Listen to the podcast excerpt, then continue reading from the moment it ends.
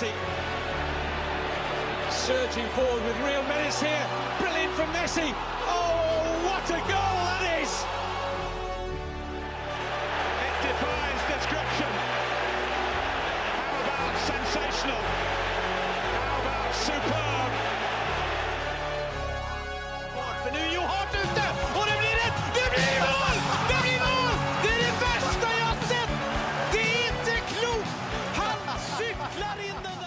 Ja da! Godt nytt år, og velkommen til episode 227 av den transparente fotballpodkasten 90 minutter. Jeg heter Thomas Edvardsen, og med meg i studio er jeg som vanlig Mats Granvoll. God, godt nyttår. Gå, gå, godt nyttår. Gå, godt nyttår. år. Og Søren Dupke! Hallo, hallo. Hva er godt nyttår på tysk? Frohes i sida. Ja. Moin, moin. Moin, moin. moin, moin.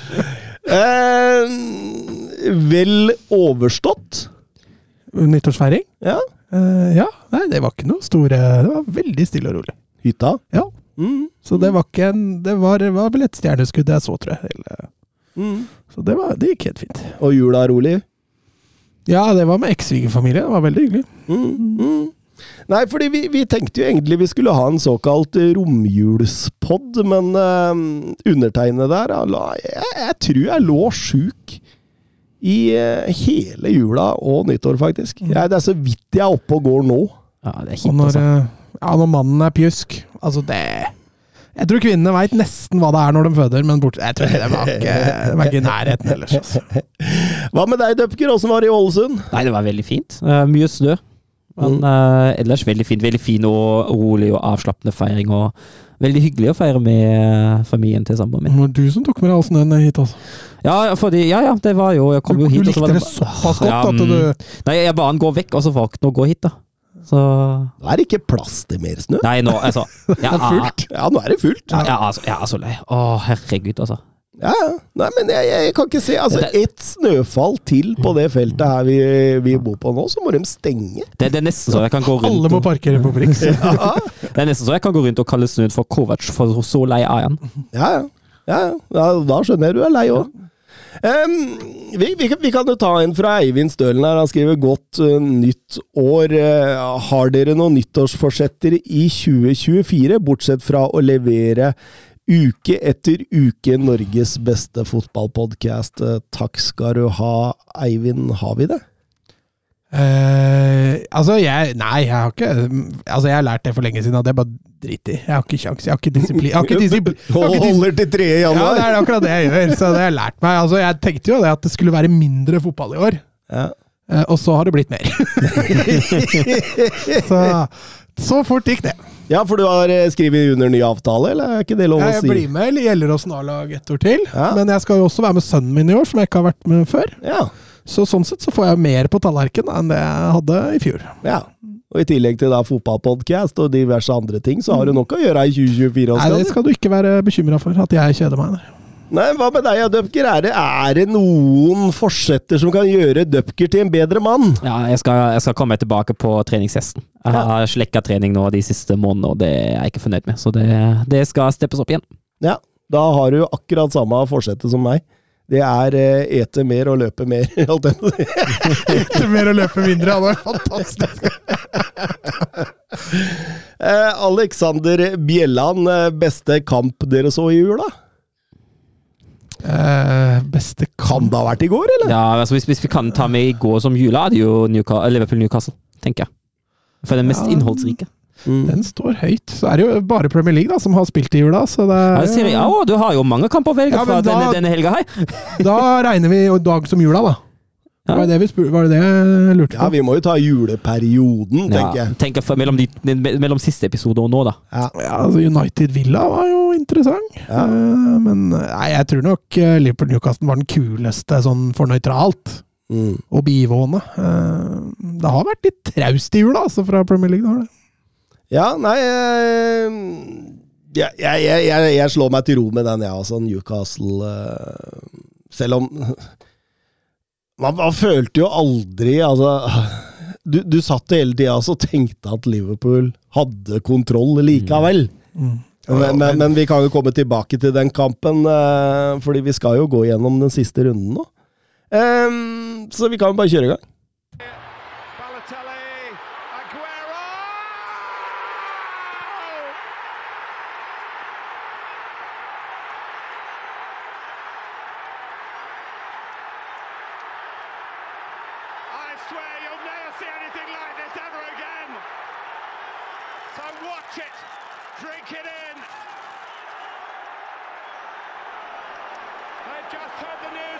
Ja, og vi eh, begynner eh, med Luton mot eh, Chelsea. Vi kan begynne med spørsmål fra Jørgen Nystuen.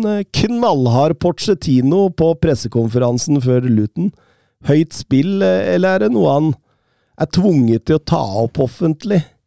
Jeg tror han da tenker på dette spørsmålet rundt Lavia og at klubben har investert mye penger og, og, og, og um, mye tid på spillere som ikke har klart å, å levere et eneste minutt fotball denne sesongen, og at uh, han snakker litt sånn underkommunisert om profesjonalitet og, og, vilje til å ønske dette her, osv. Hva, hva tror dere han vil oppnå med dette? Nei, altså jeg tipper at han, Det han ønsker å oppnå, altså vi ser etter mot spillerne, er det jo klart at han ønsker litt skjerping eh, fra spillerfronten. At uh, Hvis det er profesjonalitet han ønsker seg, er det jo er det jo akkurat det han ønsker å oppnå, da. Eh, at man skjerper seg litt på, på det området der. Og det er jo klart at jeg har jo uh, butta godt imot i Chelsea det første halve året til Pochettino. Uh, og det kan, det kan, jo godt tenkes at den har prøvd sånne ting internt, og at den nå ser seg nødt til å ta det litt mer, litt mer ut for å oppnå ønsket effekt. Både jeg er misfornøyd, klubben er misfornøyd. eh, Det er harde ord, da, Mats. Ja da, og det er nok ganske kalkulert, tror jeg. Jeg tror ikke dette var noe han tenkte han skulle ta opp idet han fikk spørsmålet. Så, så han, har nok, eh, han har nok forberedt det. Eh, samtidig så syns jeg jo for så vidt det er på sin plass. Altså, det er mye unggutter i Chelsea, da. Og du har liksom ikke så mange som står fram i dårlige perioder. Altså, du har en Tiago Silva, men typer som Stirling og sånn, de har en tendens til å gjemme seg litt bort da, når det går dårlig. og og jeg tror han ønsker å få en reaksjon, og jeg tror nok dette er noe som har tatt opp i garderoben. Jeg tror ikke dette er første gang spillere hører det. Nei, nei. Det tror jeg ikke. Så, men, men jeg tror han legger litt ekstra press på spillere ved å si det høyt i media. Og så får vi se åssen reaksjonen blir utover. Og så sliter han jo med å, sette en elver. Det er stadig skiftinger i, i, i laget. Mudrik, eh, Stirling, Enzo, Nkunko. Det var mange som var benka til denne matchen. Og, Jackson på kant. ja, og Madueke inn, eh, som åpenbart har vært bra nå det siste. da, Men eh, det, det er liksom på en måte vanskelig å sette en elver. da. Det kan jo være et kjempeproblem for han. Han har, han har låst Palmer, da. Han er låst. Ja, Han, han, og har, det fått, er greit. han har fått klippekortet, og det, han forsvarer jo det stort sett, så det er for så vidt greit. det. Eh, Nei, men Han har også mye spillere å velge mellom, og det er litt dette vi snakka om med Potter. og Også når det gjaldt eh, dette her med å sette en elver. da, Det å ha en Sånn som nå, da. Det blir veldig mye rulleringer igjen. Det er tilbake igjen til Potter-fotballen og stilen. Men altså, jeg tror jo egentlig at han ønsker å sette seg en litt mer fast elver. Jeg tror ikke han ønsker alle de utskiftingene. Jeg tror han ser seg nødt til å gjøre de. Mm. Han var jo ikke sånn i Tottenham heller, at han, at han skifta for å skifte. Han, Nei, nei. eh, han, han, Hva er grunnen til at han rullerer da? nei, det er jo sikkert formsvikt hos spillere. Skad, altså, han er jo skada for all del, men det også, er jo også kanskje han har for mange spillere. Ja, det, men det var litt det jeg var inne på. At han, han har for mange å tilfredsstille. da. Altså det er, han har 17 mann da, som alle forventer å starte, og det er klart, da må du rullere litt for å holde dem fornøyde.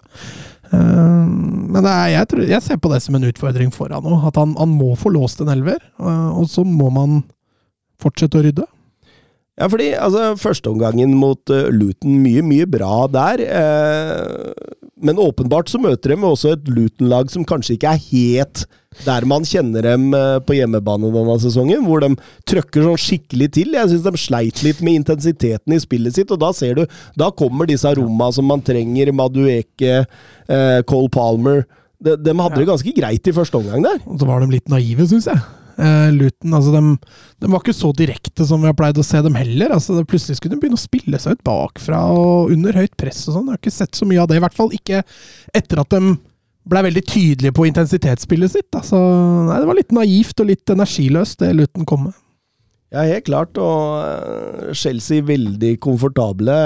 Syns, syns uh... Ja, 1-0-gålen her er jo vær så god her. Ja, ja. Ta, ta meg bakfra, liksom. Ja, ja altså, altså er det selv, når Luton vinner ballen høyt, da, så blir det, det blir aldri noe farlig. De kommer seg aldri helt inn i, i boks og gode avslutningssituasjoner, så Chelsea har veldig god kontroll på den siste tredjedelen der. Nei, for det, det er nesten sånn at det, etter Cole Palmers 0-3 Ja, Da tenker man at det er ferdig. Da Ja. tenker man at det er avgjort. ja, ja. Ja, ja. Men det er jo da det skjer. Ja, Det er jo da Luton blir Luton. De får inn på Morris der. De begynner å, å kjøre litt lengre, ut på kanter, inn, pumper innlegg på, på masse spillere. Og, og, og, og Ross Barkley ser plutselig ut som han er en million igjen. Mm. Eh, og da, og da, da, da er jo Luton full fart på vei inn i kampen igjen. Ja, de, kom, de, de er jo gått inn i kampen òg. Du har jo, du jo tverrligger, du har annullert, du har skåringer. Det var jo, det var jo på hengende håret at Chelsea klarte å, å få det inn. da. Altså Hvis en kamp hadde vært ti minutter der til, så kunne det fått inn at Luton hadde, hadde skåra ett til. altså. Altså, hadde Adebayo holdt seg onside Han er jo bare et par centimeter offside, og så header han ballen i tverrleggeren. Så Luton er jo bare noen centimeter unna å, å få med seg noe her. Ja, og jeg er enig med Søren der. Hadde det vært ti minutter til, så hadde dette vært Kunne til og med vært Luton-seier, tror jeg. Altså synes jeg det, det er så rart hvor passivt Pochettino ser på det. Han prøver ikke noen endringer. altså Problemet er åpenbart at du, du sier det, de kommer seg rundt på kant, kanten er for langt, eller bekkene er for langt unna, eh, og så klarer de ikke å ha kontroll på, på egen boks i det hele tatt. Eh, for Luton vinner jo nesten alt som er der inne. Det eneste han gjør, er at han bytter inn Enzo etter, etter 1-3, og så sitter han og ser på det skje. Og så skjønner jeg ikke at han har jo, han har jo Madsen sitter på benken.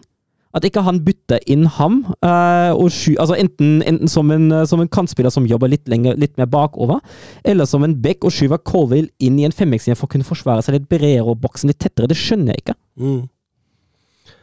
Men eh, at eh, Men statementet mitt med at Petrovic er en bedre keeper enn Sanchez, den står vel. Ja, han har, han har, han har gjort en knallkamp. Altså, den, eh, ja, det har vært noen redninger der som har vært eh, enorme, altså. Ja, absolutt. eh, Strålende. Og, og Chelsea drar i land en viktig 2-3-seier. Nå er det vel to på rad, så kanskje det, det, det er i ferd med å snu. Eh, Manchester City, Sheffield United. Eh, Haaland mye oppmerksomhet i forkant av, av oppgjøret. Fortsatt ute med skade, og Pep sier jeg håper han spiller i løpet av januar. altså. Nå, nå, nå veit vi at eh, Pep Guardiola er ganske kryptisk til alle disse skademeldingene sine, men eh, det begynner å bli noen uker på Haaland nå.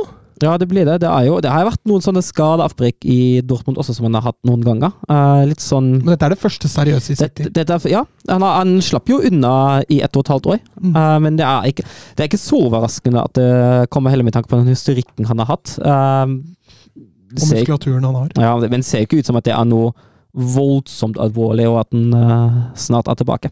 Pep er den vanskeligste å forholde seg til. når du Mm. får, for det, han, han skal holde motstandere på pinebenken nå, vet du. Det er ikke bare media sånn. Han skal Det er liksom om å gjøre å være så kryptisk som mulig, Ja, sånn hvor- at motstandere ikke kan skjønne det. da. Ja, Hvorfor skal han gi noe informasjon frivillig til motstandere? Jeg skjønner jo det. Ja ja, for all del.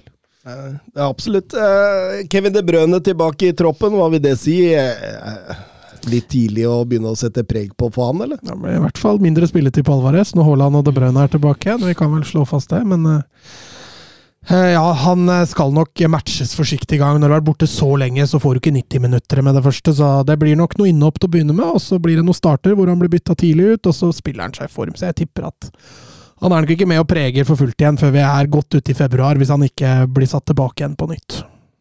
Sel Selv om, selv om dette var en litt sånn Manchester City tilbake i full kontrollmoduskamp og litt altså du, du, du kjente igjen Selv om de ikke fyrte på alle sylindere, da. Du kjente på en måte Manchester City litt mer igjen i denne kampen. Man må kontrollere rett og slett gjennom possession. Ja, og fra start til slutt òg.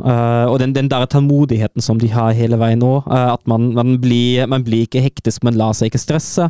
eh, blir jo hjulpet av at 1-0-skåringa kommer ganske tidlig. Um, og så- Skaper ikke all verden. Nei, skaper ikke all verden. Uh, jeg syns det blir litt bedre når, når Grealish går ut og Bob kommer inn. Uh, da blir det litt mer, litt mer utfordring, litt mer tempo på kant, litt mindre støttepasninger. Uh, men, men det er egentlig altså, Man sitter der altså etter 1-0 og tenker at det er gjort, liksom.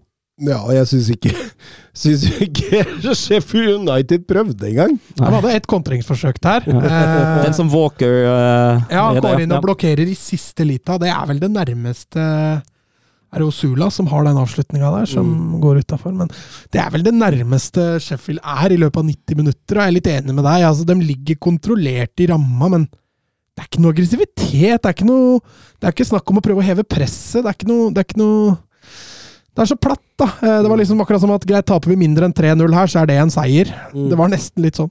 Ja, ja. Så må vi kanskje skryte litt av Oscar Bob. En herlig Ja, ja. hockeyassist. Ja, nydelig, nydelig passing av deg. Deilig norsk å kalle det hockeyassist, bare for å få en assist. Ja, ja, ja, Faen, du må på jobbe via Ja, men, jeg, jeg, jeg syns jo, jeg, jeg synes jo det er riktig å kalle den for arkitekten bak til deg. Eh, Det er jo han og Forden som skaper det der sammen. Mm. Og det er jo, det er jo en, eh, en nydelig prestasjon. Jeg syns jo han gjorde en, eh, gjorde en grei kamp. Jeg syns ikke Grealish er helt der om dagen, altså. Nei, nå har vel han vært utsatt for noe kjipe greier privat, så han, han har vel kanskje hodet sitt litt annet sted. Det var vel, han blei bytta tidlig ut der, for han var jo ikke noe skapende i det hele tatt, den matchen her. Og 2-0 og, og grei skuring. August Landstad, Manchester City-fan. Vet vi, spør eh, Kevin De Brøno og Erling Haaland. Rett rundt hjørnet nå. Kan noen virkelig utfordre City denne sesongen? Nei, altså, jeg, jeg, jeg tror jo City tar gull til slutt. Um, men at de har hatt sine utfordringer også med Haaland på banen, det har, jo, har vi jo sett. Eh, Vi har jo snakka litt om hva som har gått galt for ikke altfor lenge siden. Det er klart det hjelper å få to klassespillere tilbake. Um, Jeg tror Doko er snart tilbake. ja, og det, det hjelper jo med tanke på hvordan venstresida har framstått nå de siste kampene, for all del. Um, men at de likevel må, må være 100 skjerpa for, for å kunne ta et gull i Premier League, altså helt klart. Mm. Ja, Det eneste toppnivået til Liverpool i år har vært bra. De må få bort de defensive der. Ja, da altså, er de, de må, der. de, må, de må stabilisere seg Ja. litt. Eh, men jeg er helt enig med deg, og nå, nå er de jo i nærheten, for City har gått på noen uventa trøkker. Uh, Mm. Så Liverpool har ikke fått noe avstand å snakke om. Tvert imot så har de, ligger de vel foran. Så, så jeg skal ikke avskrive Liverpool helt, men jeg blir også litt overraska hvis ikke City tar gull, altså. 80-20. 80-20. Ja, jeg er faktisk litt der sjøl, altså. At det er 80-20. Men det er liksom 80 City, og så er det 15 Arsenal, nei, Liverpool, og så er det 5 kanskje da på Arsenal. Så ja. Eh, Vi må over til Nottingham Forest mot eh, Manchester United. En etterlengta trepoenger på Boxing Day for Manchester United med Høylund-skåring og Inios-avtale bekrefta. Og vips, så var eh, det full optimisme igjen i Manchester United, men så møter man uh, i skogvokternes by og uten en syk Høylund, og så Tilbake til gamle synder. Ja. ja, det hjalp ikke å dra til Nottingham, i hvert fall. Det, det her var uh, Dette er noe av det traureste man har sett Mm. fra United. Altså, det sier mye, altså. ja. Eh, dette, var, dette var flatt og platt og ræva, rett og slett. Ja, for Nottingham Forest spiller ikke en strålende førsteomgang. Nei, nei, nei, men det er jo det er, men, men du drar til Nottingham Forest med Nuno Espirito Santo. Hva, hva forventer du Hva forventer du å møte? Det er jo akkurat den deg du forventer å møte. Et, eh, et kompakt, solid, dyptliggende forsvar uh, som bruker farten de har framover til å kontre. Det er, Ja. Og det er jo det du får. Og utover i kampen så kjenner de seg litt Altså, de føler seg litt fram, begynner å ta noe flere risiko, litt flere kontringer. Og Manchester United de ser ikke ut som de Men- henger med på det, altså. Men den der McTominay-bytta Altså det, det der koster jo United-kamp, for McTominay er jo feilplassert på begge mål. Uh, jeg skjønner Altså jo, jeg hadde skjønt det. Altså, de, I studio snakket de jo om at han skulle, skulle opp i boks og angripe litt med og angripe litt med de rommene, og det hadde jeg jo skjønt, men han gjør jo ikke det. Han blir jo, han blir jo plassert bakerst tar Jeg vet ikke, har han vært i boksen i, i hele andre omgang en gang? Ja, Han tar jo ut Maino, det er ikke han Ja, han tar ut, ja. da. Og Eh, Maino, Maino har jo god kontroll på midtbanen sentralt i første ja, omgang. Ja, altså, du, altså, du må ha en, en sekser. Du må ha en balansespiller. Eh, hvis ikke så mister du all trygghet. da, og jeg er jo helt enig. altså Du tar jo bort den lille tryggheten du har da, når du har Maino på banen. og McTominay, det har vi om så Han er ingen sekser! Nei. Nei. Nei, altså, altså, altså, altså, og så bruker han jo Han bruker ikke styrkene til McTominay heller med tanke på, på å gå fram og være litt sånn present i boksen, det som United kanskje mangler litt i første omgang, eller blant de tingene som United mangler litt i første omgang. Men han blir jo bare låst fast på sekseren sin, så jeg skjønner ikke, og jeg skjønner ikke at han ikke tok ut Christian Eriksen istedenfor, hvis han vil ha en sånn type spiller inn. Ja, men det, jeg, jeg tror man kunne satt på hva som helst der. Altså, det, altså de spiller jo all, Ja, men altså Rodri! Satt på Rodri! Da hadde det, det hadde men, hjulpet. men de spiller jo alltid på første spillers bevegelse. Hver eneste gang, uansett hvilken som helst posisjon. Om det er høyt i banen, lavt i banen. altså det er første, Der er en spiller som beveger seg, vi spiller jo på han! Altså, jeg, jeg, jeg satt og tenkte det underveis i matchen her, at Manchester United etablert offensivt Altså, det er så ekstremt svakt! Og, og det på tross av at de har spillere. De har kreativiteten, de har tempo, de har gjennombruddshissigheten. De har alt som skal til! Men den bruker ikke! Nei, det, er, altså, det, det offensive henger jo ikke sammen i Manchester United, og det har han ikke gjort hele sesongen. Nei, altså, det er, det er jo en grunn til at det er kun Sheffield United og Burnley som har skåret færre mål enn Manchester United denne sesongen. Altså, Sheffield United og Burnley! Det er der vi ligger, altså! De har kjøpt seg spiss til 700-800 millioner kroner! Og kant til en milliard. Ja. Og det er der vi ligger! Sheffield United og Burnley! Altså, de har en Bruno Fernange som er Altså, en av ligaens potensielt uh, Altså største Kreatør. Kreatør, ja. Altså, han, han, han bør kunne skape av alt. Ja, men det hjelper ikke når de ikke har satt i system. Når han bare, når han bare er avhengig Han bare løper rundt, han! Ja. Ja, han gjør det som en, altså, som en kylling! Uten hode! Han løper rundt! Jeg, jeg skjønner ikke Altså det, det, det, det, må være så ekstremt frustrerende å være Manchester United-supporter og se på dette. Altså, og så kan du si at ok, ja, det, var enkelte tegn mot Aston Villa, men, men det, var jo ikke noe strålende kamp, det heller.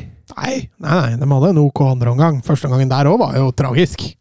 Det var jo som to omganger samme Forrest, egentlig. Eh, men jeg syns den Altså, det virker nesten som de har gitt opp. Ja. Det så nesten litt sånn ut at nå nå orker vi ikke mer. Ja, Man spiller ikke for treneren sin, da. Mm. Altså, du kan ja, tenke... spiller jo ikke for klubben heller.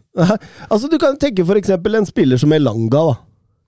Som gikk fra Manchester United foran denne sesongen. Han er jo mye bedre enn noen på det Manchester United-laget. Men jeg så Han har jo flere målpoeng denne sesongen enn Rashford, Anthony og Høylund til sammen! Og så går han og så kysser han uh, Nottingham Forest-emblemet uh, når han går av banen. Det er helt fantastisk. Men jeg tror ikke, altså Ilanga hadde jo sett akkurat lik ut i Manchester United som Anthony Rashford gjør nå. Jo, sannsynligvis. det, det, det, er det som hadde skjedd. Sannsynligvis. Og det, tyder jo litt på at problemet ligger jo litt høyere opp. Altså, Jeg skal ikke frikjenne spillerne for altså, særlig det Anthony presterte i den kampen. der, Herregud, altså. Uh, har han vært god? Jeg veit ikke. Ajax. Um, Men se lidenskapen til Morgan Gibbs White, ja. da! Hvor er den i Manchester United? Mm. Altså, han ville vinne, han. Mm. Han, uh, han løp til krampa tok en. Ja. Han klarte ikke å løpe. Nei. Nei, det, det ja, Ni tap på de første 20 for Manchester United uh, denne sesongen. De har tapt 21 kamper i alle turneringer i 2023. I klubbens historie, merk dere det, i klubbens historie har de kun tapt flere kamper i et kalenderår i 1921, 1930 og 1972. Altså, det er jo elleville tall! Og, og, og, og, vi må huske på én ting. De har fått godt betalt. Det er et lag som faktisk eh, dro i land en del trepoengere av hatten, med, med, uh, hvor, marginene helt klart var på deres side en periode der. Husker Wolverhampton med Onana og det straffesparket de skulle hatt mot slutten der. Man husker det røde kortet til, uh, til uh, Som ikke skulle vært rødt kort, jeg husker ikke hva det var. Men det, mange sånne situasjoner, da. Så det, er, det, det blinker eh, lys der, altså. Det gjør det. Um, det blir 2-1-tap, og Kasper Viktor Ruud Haaland han spør Kjøpe Antony for den summen blir som å ta et boliglån for å kjøpe seg telt, sa Helland i studio. Har Antony hele tatt en fremtid i Premier League? Det ser så ekstremt flatt ut! Ja, det gjør det. Uh, det, det, er ikke å sammenligne med den Ajax Antony. det det er en spiller som åpenbart ikke har klart å ta steget fra Ajax opp til, opp til en toppklubb i Premier League. Uh, vi har sett det motsatte eksempel i Lisandro Martine, som jeg syns har vært veldig bra i United. Um, og Da spørs da om en må, må, ut av ligaen, eller om det hjelper som f.eks. å ta en i Langa og gå til en mindre klubb. Uh, eh, jo, han, altså, han har jo talentet. Ja, han har jo det. Det, er akkurat det. det er Han- jo- det, det er ligger, finne- ligger, det ligger ferdigheter der. Ja, altså Det er jo å finne et system som han passer Ja. inn i. Og i Manchester United, altså det er jo ikke bare han. Nei, nei, nei. Det, det er jo, det er jo Alle- hele, hele linja. Men jeg Alle syns, som skal inn i det systemet. men jeg, jeg syns jo, jeg syns jo Anthony er jo blant de som skuffer aller, aller mest, da. Ja, Men han har også litt mer press enn alle andre. Han det? Ja, har kosta en milliard, da. Ja. Det er ingen av de andre som har gjort. Ole Haaland. Bruno Fernandes er en skygge av seg selv. Eh, hvordan tror dere Erik Ten Hag kan få han tilbake på sitt beste? Løsner litt på skadefronten nå, så gir det bare falsk håp, eller vil det bli bedring? Nei, jeg blir falsk håp. Fordi Jo, men altså systemet, da, sånn som de spiller nå, sånn som de fremstår nå eh, altså Én ting er at det ikke er noe selvtillit der, og det, men det virker ikke som det er noe tro der. Da, og det Altså, Du kan jo ha elleve messer på banen. Det hjelper jo ikke det hvis det ikke er system på det, og hvis det ikke er noe, noe plan, eh, og hvis det ikke er selvtillit. Så kan du jo Men det er klart, få inn klassespillere vil jo alltid hjelpe litt. Ja, i hvert fall på kort sikt, da, men så Mm. blir de jo spist opp av I Manchester United. Ja, ja, det, de, de, de, altså Manchester United er roe på å lage kla, eh, gråstein av klassespillere, altså. Det, det, har de god trening til. Men, men jeg, jeg syns det var litt fint det intervjuet med, med, med Paul Scholes når vi, skal, når vi først skal snakke litt om eh, Bruno Fernandes, fordi eh, han, han, Paul Scholes sa noe fint. Han sa at eh, det går an å løpe for mye i fotball. Eh, Bruno Fernandes eh, Det ser ut som han vil være overalt. At han uh, er altfor mobilt. Og mulig at kapteinsrollen og det ansvaret rundt det gjør at han vil så mye, og så glemmer han hvor han virkelig behøves, da. Uh, hva Paul Scholes sine liksom, betraktninger hva, kan, kan han ha noe uh, med det å gjøre? Ja, så klart. Uh, det, handler, det handler jo og Jeg er helt enig i at det går an å løpe for mye fotball. Det er mye viktigere å løpe smart enn å løpe mye. Eh, og være på de riktige stedene og det rette rommet. Eh, og jeg syns jo det, det han sier høres veldig plausibelt ut. Eh, for Bruno Fernandes, altså hovedrollen hans er jo som du sier, da. Å være kreatøren og være tilretteleggeren på det laget. da, Og være, være litt sånn hjertet i det offensive. Og da hjelper det ikke at den, at den er å finne mange andre steder i banen der han egentlig ikke skal være, og ikke, skal, og ikke befinne seg i det rommet der han trengs mest. Eh, jeg husker jo veldig godt hvordan det var med Ivica Olic i Wolfsburg. Jeg var midtspiss, og så var han alltid ute på venstre, for han alltid ville løpe, alltid ville fram, alltid ville være nær ballen. Og var ikke der man trengte noe. Det kan være en hemsko for spillere, helt klart. Men det, igjen, oppgaven for å løse dette her, det ligger hos treneren. Ja, absolutt. Og, og, og tror mye av nøkkelen ligger hos Bruno Fernandes òg, fordi det er jo han som på en måte kan skapet. Mm. Eh, han står vel i Premier League nå med tre mål og tre assist, tror jeg, på 19 kamper, så det er jo Et par av dem er i hvert fall straffespark. Så, så han, han har en lang vei å gå hvis han skal eh, begynne å, eh, å, å servere igjen, men eh, det, det, det, for meg da, så blir det så feil å snakke om enkeltspillere, og snakke om Anthony, og snakke om, om Bruno Fernandes, og snakke om Rashford. Eh, altså, dette er jo ikke et Altså, et, et eh, spillerproblem. Nei, altså- det, det er et systemproblem. Ja, det, det, det er jo helt klart. Uh, det, ligger jo Det ligger jo når, når det offensive er så dårlig som det er, så ligger jo ansvaret på utsida. Det er jo Det ser jo ut som at de ikke vet hva de skal gjøre når de nærmer seg 16-meteren. Nei, Det, det, det ser ikke ut som at det er noe samhandling der, det ser ikke ut som at det er noe klar plan da. Og vi har jo spør, vi har stilt spørsmålet før, hva er det egentlig United og Ten Hag prøver på å oppnå uh, mot etablert forsvar i angrepsspillet sitt? Uh, og for meg ser det jo bare ut som at de spiller på individuell klasse og ikke noe annet. Ja, så det er, det, er, det er Solskjær. Man er der man var under Ole Gunnar Solskjær. Mm. Uh, bare fått det til. Enda litt dårligere. Nei, eh, Petter Halseth. Hva tenker dere om at Erik Ten Hag sa til Ratcliffe at han ikke hadde tid til et møte med en gang? Er ikke det litt rart? Stillingen hans må jo være oppe til diskusjon. Altså Jeg tenker jo det er, klart at hvis, Ratcliffe ønsker Erik Ten Hag i møte, så kommer Erik Ten Hag. Eh, så, så han har vel sikkert fått noen indikasjoner da, på at jobben hans er safe i, i første omgang. Eh, konsentrere deg om det sportslige og tror ikke det ligger noe dramatikk i det. Samtidig så tror jeg det er veldig viktig for for Ratcliffe å møte Erik Den Haag, for å, for å være med å stake ut den kursen som man skal ta nå. Altså, man kommer inn i et januarvindu. Hva er det man trenger der for eh, både quick fix og kanskje litt sånn lengre perspektiv?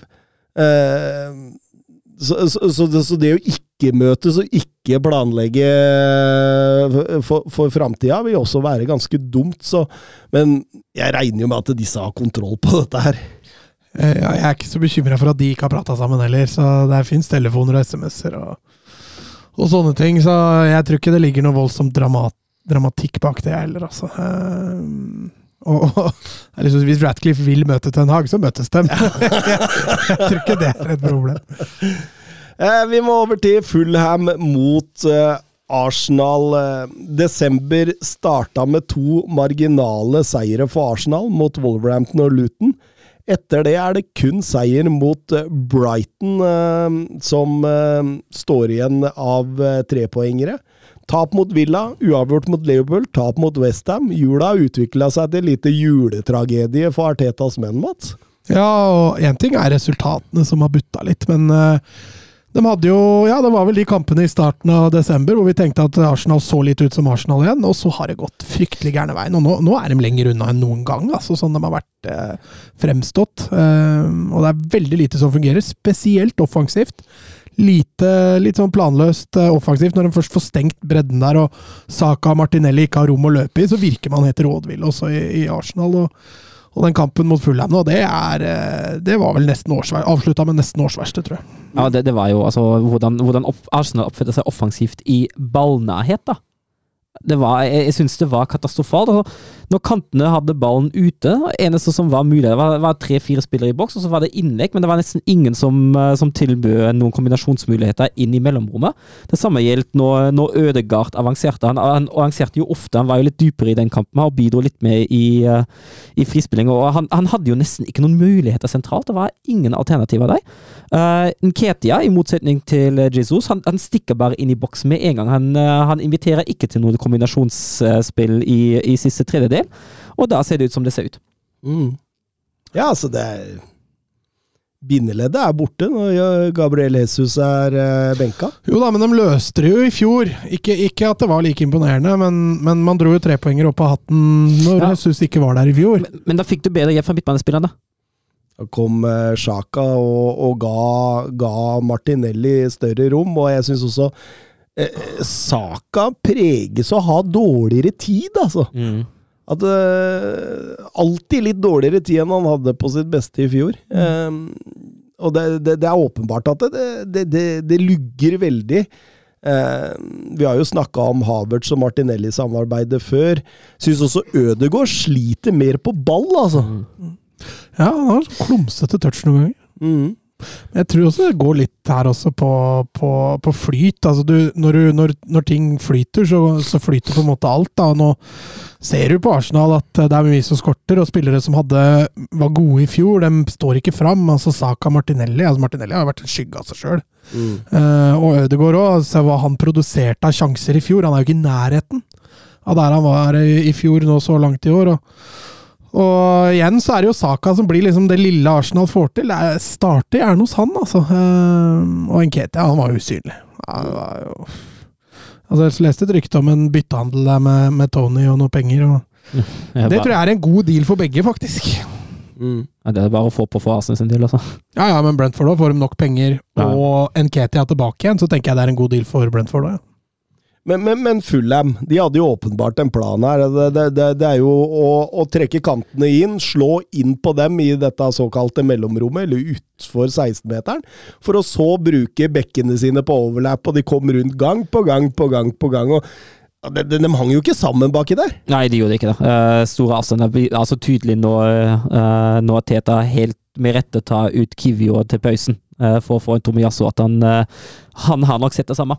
Mm. Um, men det var, det var altså ganske store avstander i Arsenal-laget da, altså. Eh, og så kom han seg ikke opp i press, og så blir det vanskelig. Gjøre grep der, går over til en, en slags 3-2-3-2-formasjon, eh, Arteta. Det, det, det er liksom da, da begynner du å, å få litt tegn på at du begynner å få litt uh... Ja, i hvert fall tegn på at ting ikke funker. Ja, på at nå må vi prøve noe annet. Uh, og jeg veit ikke hvor mye tid de har brukt på treningsfeltet på akkurat det systemet der, men det så ikke ut som at det var overbelasta, det treningsfeltet, i hvert fall. Absolutt ikke. Og eh, når da De Cordova Reed straffer eh, Arsenal etter en corner, eh, noe Arsenal har slitt voldsomt med den siste tida, så, så blir det Fulham seier, og, og da har ikke Arsenal vunnet på tre kamper. Desember har vært et lite mareritt. og... Eh, hva er feil med Arsenal for tiden, spør uh, Claes Grønlin. Uh, det var kanskje det beste laget totalt sett sist sesong, men feilet med bredden i troppen. Dette visste Edu og Arteta, uh, men klarer ikke å, å, se at bredden har blitt vesentlig bedre denne sesongen heller. Har de fått nok kritikk for dette? Og vinduet i sommer, spør, spør Grønlin. Vi har vært kritiske, da. ja, vi har det. Vet du hva jeg leste her om dagen? Nei. Jeg har ikke kilde bekrefta det, men jeg leste at Arteta har brukt 660 millioner siden 2019. Det er 70 millioner mer enn Klopp jo har gjort siden 2015. Eh, bare for å sette det litt i perspektiv. Det er brukt voldsomt mye penger, og hvis det fortsatt da mangler bredde da bør de jo få kritikk for det. Jo da, men det er jo spillere ut her òg, da. Eh, så det er ikke sånn at de har kjøpt og så ikke solgt. Eh, så det er jo Men jeg er jo helt enig. altså Bredden i Arsenal den har vi snakka med når de ikke har fått til Havertz. Timber er jo fortsatt ute. Eh, ja, det, Akkurat den kan de ikke lastes for. At Timber ryker korsbånd i første anledning. Det går jo fortsatt utover bredden, da. Ja, ja. Så, eh, og at Rice er den eneste handlinga, og, og, til og med Raja ser jo forskrekka ut innimellom. Han har jo ikke vært en god signering så langt. Han har jo ikke vært noe bedre enn Ramsdale. Ja. Eller i hvert fall Ramsdale surra jo sist han spilte, men uh, i hvert fall forrige sesongen til Ramsdale. Ja, men du kan også, du kan også ødelegge selvtillit til en keeper. Mm? Du kan også ødelegge selvtillit til ja, en keeper. Ja, ja, så... Det er klart det har noe å si. Når Ramsdale nå først får sjansen, så føler han jo sikkert på et mye større press mm. enn det han hadde ellers gjort. Men eh, bredden til Arsenal eh, men, men, det er ikke bare der det ligger. altså Der Arsenal var gode i fjor, da, men for det første, det voldsomme trøkket etter balltap er ikke like sterkt lenger. Når de fikk satt opp trekantene, spesielt på høyresida med Saka, Ødegaard og White, veldig sjeldent det ender med gjennombrudd. Og venstresida, som vi har snakka om med Martinelli, han, han, blir veldig ofte isolert ut venstre, og venstre back i Arsenal det, de kommer veldig sjelden fram. For Zinchenko, når han spiller, så går han inn sentralt. Og når Kivur spiller, han tror jeg de vil holde lengst unna ballen veldig ofte. så han blir heller ikke involvert offensivt noe særlig. Og, og en nier som skårer mål, det har de jo ikke hatt. Så Nei, det er, det er litt omfattende også, det som er svakt med Arsenal nå. Men jeg tror veien å fikse det er mye kortere for Arsenal enn det den f.eks. er for United. Ja, altså, altså, Arsenal er altså klart lenger fram enn United, mener jeg. Altså, jeg jeg syns ikke det er på samme nivå, det her. Uh, Arsenal spiller jo Jeg syns bunnivået og toppnivået er høyere i Arsenal enn United. Mm. Og så ser man sånn- Westham-tapet, der er Arsenal gode, ja, ja. tidvis. Og Rice er jo enorm. Eh, og, og, du satt liksom Nå kanskje det løsna litt for Havertz. Nå! Mm. Og så kom den Fulham-kampen, og var han fullstendig usynlig igjen. ikke sant? Og da ja, Du går liksom og venter og venter, da. Og jeg tror det er, og jeg tror det, er det Arteta også er litt, litt lei av nå. Gå og vente på at det skal løsne, og at han derfor nå prøver seg litt på andre konstellasjoner. Og kanskje prøver å få til nye relasjoner. da. Tror dere han handler i, i januar? Jeg ser ikke helt hva han skal handle. Da, eh, da må det i så fall handle bredde, da. Mm. For skal du ha nier nå? Altså det, det, tror jeg ikke de har råd til. Eller det kan godt hende de har, men jeg tror ikke de gjør det. Eh, og da er liksom sånn Skal du handle inn en til da, for å erstatte Havertz? Skal du ha inn en ny back? For det er åpenbart at både mm. White og Kivior er ikke førstealternativet på bekken. Så nei, jeg veit ikke helt hva de skal handle. Keeper, da, kanskje. handle en tredje keeper.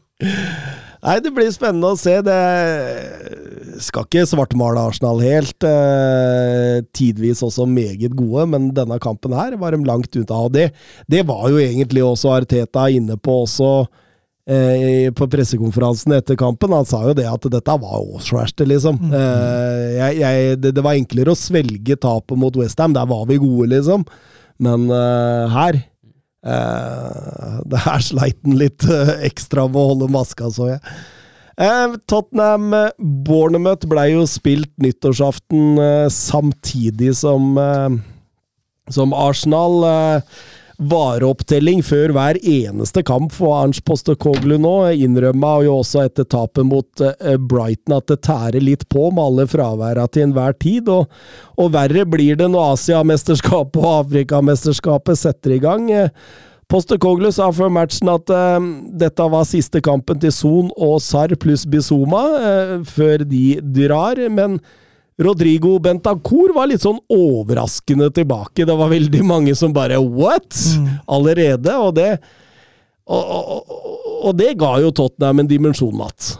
Ja, han skal jo verken til Afrika eller Asiamesterskapet, faktisk, så han, han får dem jo beholde, da. Jeg fikk jo riktignok bare en time, men det ga i hvert fall en, en del stabilitet da, på den midten, og, og, um, og Bentancour og Sarr, så lenge Sarr er på banen, så er jo det en, en, en en midtbaneduo som virkelig holder nivået til toppen i Premier League, selv om Bentancour kanskje er litt rusten, så, så var det nok lovende for, for, Tottenham akkurat det. Og du så jo allerede der hva, hva Bentancour kan, selv om han, han er litt rusten. Mm.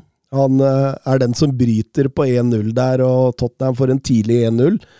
Uh, eh, og så kommer SAR-skaden, og etter det Altså, det er, det, det, det er den, det tidsrommet rundt Son sin store mulighet til å gå opp til 2-0 etter rundt sånn 25, og eh, skaden til Sarr. Rundt der så mister man presspillet, mister mm. intensiteten i det. Og mm, Bournemouth de slår bare opp på indreløper, ut på bred kant, gjerne diagonalt, altså motsatt den lengste veien. Og, og Tottenham klarer ikke å sideforskyve tidlig nok. Og så hagler inn med sjanser, og særlig altså, Tottenham er heldig så, som holder 1-0 inn til pause der. Ja, jeg er helt enig med deg. Altså, når Skip kommer inn der, så blir det sånn sceneskifte, nesten. Eh, plutselig er Tottenham to meter unna, istedenfor å være der Bentancour var og brøyt før 1-0. Der er de plutselig to meter unna igjen. Og, og, og, du ser dem også står og titter litt på hverandre før de skal gå i press, og det blir litt mer usikkert. da. Eh, og så er det sånn det er jo litt klassisk Tottenham. da, altså, de, de, er utrolig smale når de forsvarer seg. og Greier man å få de vendingene, det spiller ingen rolle om det heter Bournemouth eller Liverpool, så vil du få mye rom motsatt. Uh, og det var jo akkurat her de sleit veldig, da. Uh, spesielt etter 30 mot Bournemouth. Mm. Og egentlig helt ut gjennom kampen. Ja, det var litt sånn gufs fra det man så i den første kampen mot Brentford, syns jeg. At man uh, plutselig sliter stort med, med, med presspillet og, og, og vendingsspill. Eh, nesten litt sånn Liverpool-syndromet fra 22-23-sesongen her. At når presspillet ikke fungerer, så blir det så store rom mm. eh, defensivt. Og da, da det, er, det er som du sier, da kan selv Bournemouth eh, skape mange gode sjanser, og det gjorde de jo. altså Solanka han burde jo hatt et par-tre, bare han. Mm. Eh, hadde et lite Darwin Nones-øyeblikk der i denne kampen her, og Nei Jeg satt egentlig og bare venta på, på måla skulle komme imot, og så gjør Iraola Altså, han, han, han, tar tre raske bytter der. Han tar ut Cloyfert og Sinistera. Som har vært veldig aktive. Ja, og så setter han inn på Billing og Semenyo, og så tar han ut til slutt også Ryan Christie. Og jeg syns at det, der, samtidig som uh, Høy, Høybjerg kommer inn med litt mer energi, mm. der forandrer kampen seg igjen. Mm. Da begynner Tottenham å finne ut av eh, det, og, og få satt opp en del eh, overganger og en del eh, gode angrep. Og den pasningen til Los Celso på 2-0 til, til Son der, da. Mm. Er nesten ferdigskåra. Ja, altså, altså, er det så, så, så, gøy å se de motsatte bevegelsene i det angrepet der. Og Altså, Richarlison som møter oss, Son som stikker, og så, og så ser Lo Celso ja, det, det, er en nydelig skåring. Det. det er nydelig, og når Rikarlison da setter 3-0, så er det jo er det jo gjort, selv om eh, Bournemouth får bygd opp et lite momentum igjen mot slutten der. Ja da, og uh, tre, altså. Man tenkte jo Tottenham var i ferd med å snu kampen i romjula òg, eh, selv om det selvfølgelig stoppa til slutt. Men man fikk jo litt den følelsen. Men nei, når Tottenham først fikk 3-0, så følte man jo ikke at det var veldig veldig farlig. Bryan Gill header i, i tverrleggeren fra 0,27 cm. Eh, Blei litt eh, temperatur mot slutten der og også. Oscar Pepito skriver 'Poste Coglu i fight'. det var voldsomt. På, på sidelinjen mot slutten der har Premier League kommet under huden på den karismatiske manageren. Jo, men han gjør det for å beskytte Det er jo Velis som ligger nede for 17. gang, og han, han, han, han har jo åpenbart veldig vondt. Og det Bournemouth-benken reagerer på, er jo at han ikke blir flekka av banen og heller spiller med ti mann, istedenfor at han skal fly rundt der og legge seg ned hver gang han har vært i en spurt. Og Postecoglou beskytter jo bare egen spiller, så man skjønner jo på en måte begge sider av saken her. Eh, og jeg tror Tottenham gjør lurt i å lage litt oppspinn og sånn rundt sånt, fordi det er litt mer kynisme i det. og du får bryte opp kampen litt, da. Det er Bournemouth som taper på det. Det er jo ikke Tottenham. Så, men jeg tror Postokoglu oppriktig talt var forbanna. Altså. Mm. Ja, det virka sånn. Eh, Petter Martin Støvland, Hugo Loris, eh, fikk, må få sin velfortjente hyllest. Elleve år i klubben, kaptein, Champions League-finale, verdensmester. En av de beste i klubbens historie, skriver han. Han takka jo av i, før kampen i, i eh, Han går til Amerika, hva?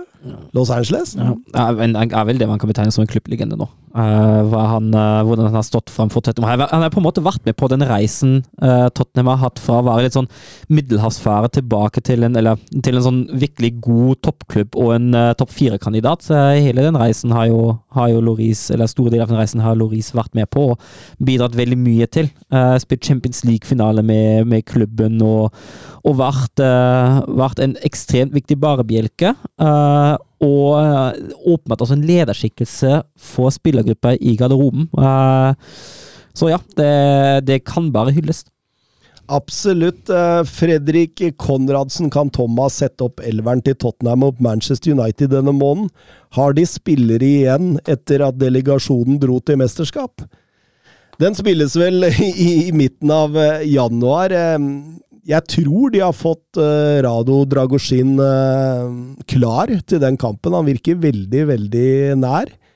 Uh, så, og, og det jobbes også med en midtbanespiller, veit jeg. Så, så det, det, det kan jo være enkelte avvik fra denne, men jeg syns ikke laget altså, Laget er så ille. Vikario i mål, Porro og Oduchi på hver sin bekk. Uh, så blir det ved Emerson og, og Davies, da, eller Dragosin om han kommer inn.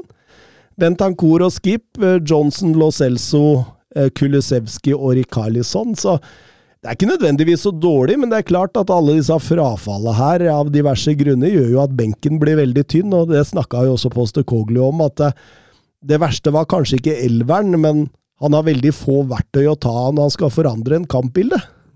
Han, han prøver jo ikke å forandre kampbilder. Han skal jo ha samme kampbilde i 90 minutter, han. Han skal ha ballen og Han skal presse bare, han skal bare ha friske bein, han. Han skal, skal ikke ha noen kampbilder, han.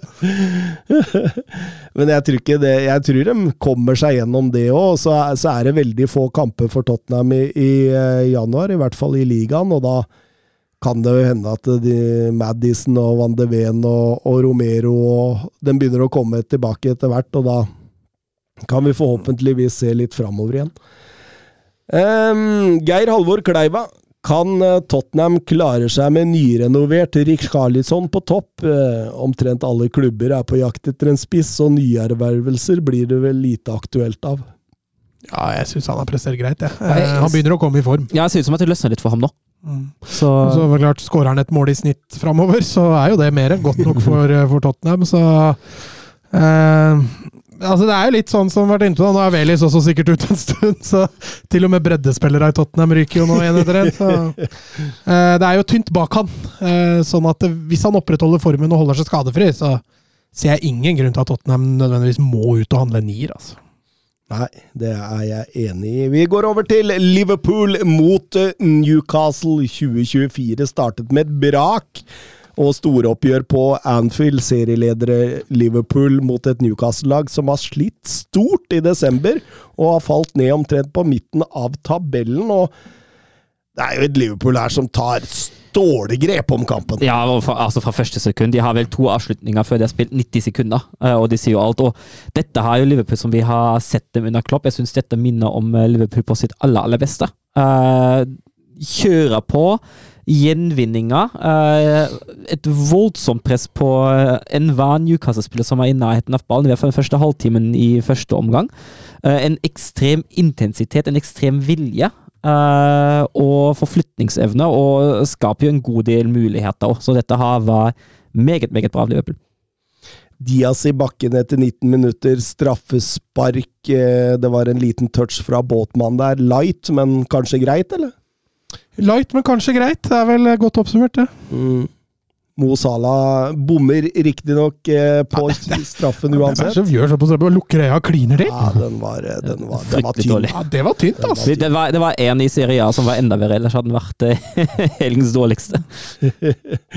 Men Liverpool pumper jo på videre. Det er jo et voldsomt kjør mot Ubranca der eh, Darwin Núñez har et par store Det er noen, noen eh, annullerte mål. Men så, men så kommer Newcastle seg litt mot slutten av omgangen. Mm, Ja, de begynner å få satt opp Isak rettvendt.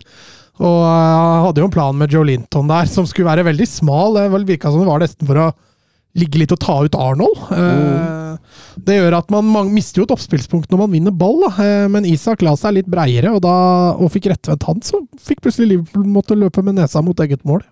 Ja, plutselig så, så, så, så var det noen Newcastle-overganger og sjanser der også. Det, det er jo klart, det. altså med med, med, med Gordon og Isak eh, altså det, er, det er jo ikke dårlige kontringsspillere, så man må være litt eh, være litt obs. Eh, blir voldsom temperatur mot slutten av kampen. Du sa det, Mats, at, eh, at eh, Tottenham brøt litt opp mot slutten der, og det gjorde vel kanskje Newcastle også et par ganger der. og da detter liksom på en måte rytmen litt inn mot pause. Du ser Arnold bare gå rundt og sutrer, og, og Sal er frustrert. og Alt handler jo om at Jo Linton ikke får gult kort for å hindre en overgang der. Ja, det, det er jo uforståelig at han ikke får det. Uh, jeg er jo sånn sett enig, men jeg liker, jeg liker det så svart dårlig når, når spillerne går rundt og kjefter på dommeren og omringer ham og alt det der. Ah, jeg er så lei det deg. Ja, og jeg, jeg, jeg tenker jo det at det, det er litt sånn uprofesjonelt, da, fordi man Altså, det, det tar jo åpenbart vekk en del av fokuset. Ja, og det ser du jo på kampbildet. Det er jo som du sier, Plutselig er Newcastle litt mer med i det, for det er de som tjener på at Liverpool er mer opptatt av dommeren enn enn ballen. og og Arnold forblir jo frustrert der, får et gult kort. Sal er borte hos dommeren. Um, Virgil van Dijk er flere ganger borte hos dommeren der. og Det tar jo selvfølgelig fokuset vekk fra der det bør være. da, og det er som du sier, De hadde jo et veldig godt momentum. Samtidig så, så har det nok sneket seg inn en tanke der at vi er også vår sjøl vår verste fiende akkurat nå. Men det er greit å ha dommeren å skylde på. Mm. Og at man uh, gjør litt det fokuset, da, for Liverpool burde jo leda 3-0 på det tidspunktet her. Ja da.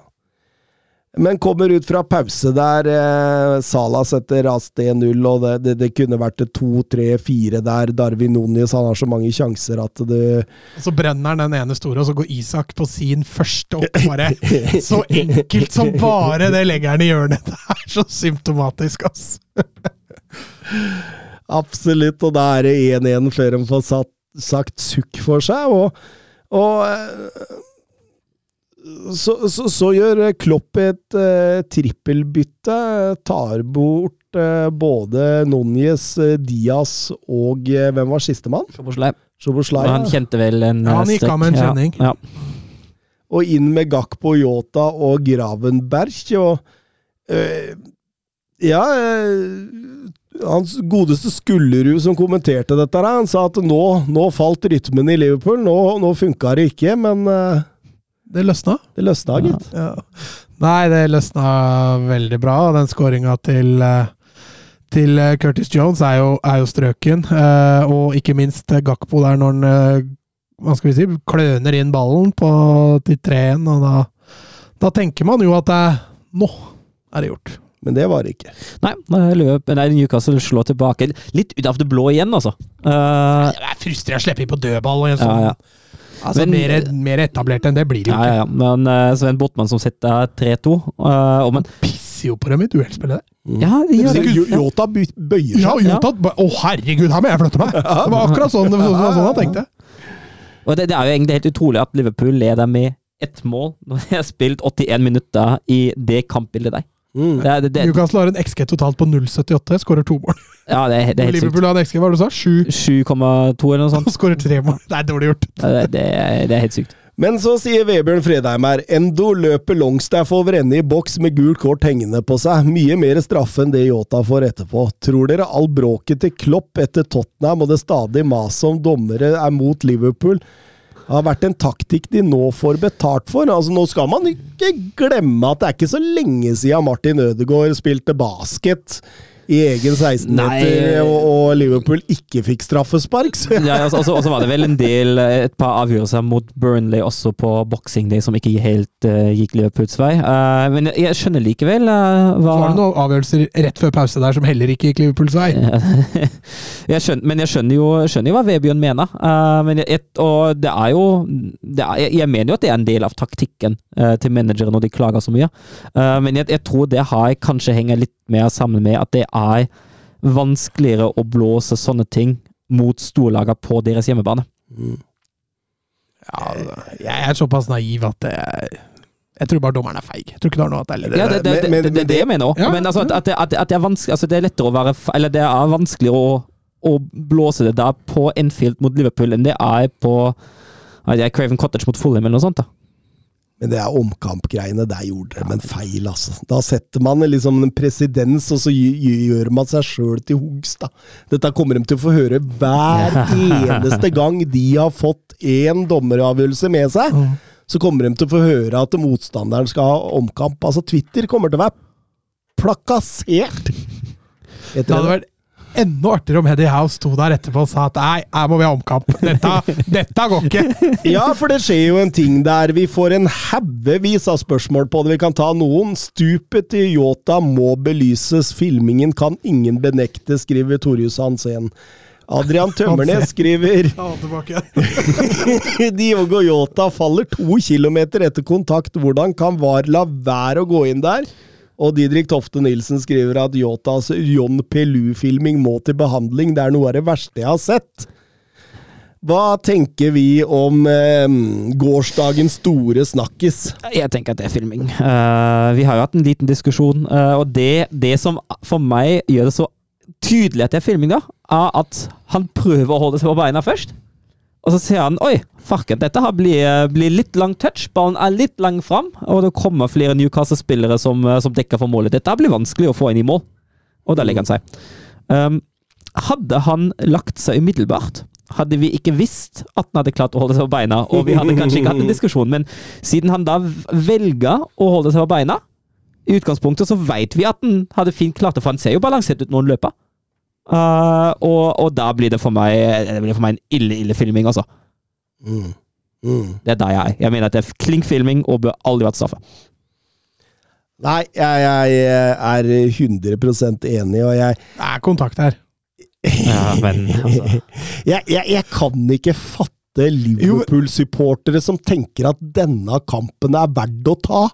Jeg kan ikke forstå det! Altså, nå har man sittet siden 2019 og klaga på at Harry Kane la igjen føttene eh, for straffespark på Loris Karius der den gangen. Og, og, og gjort det til en sånn slags eh, altomslukende filmepisode. Og så kommer denne her.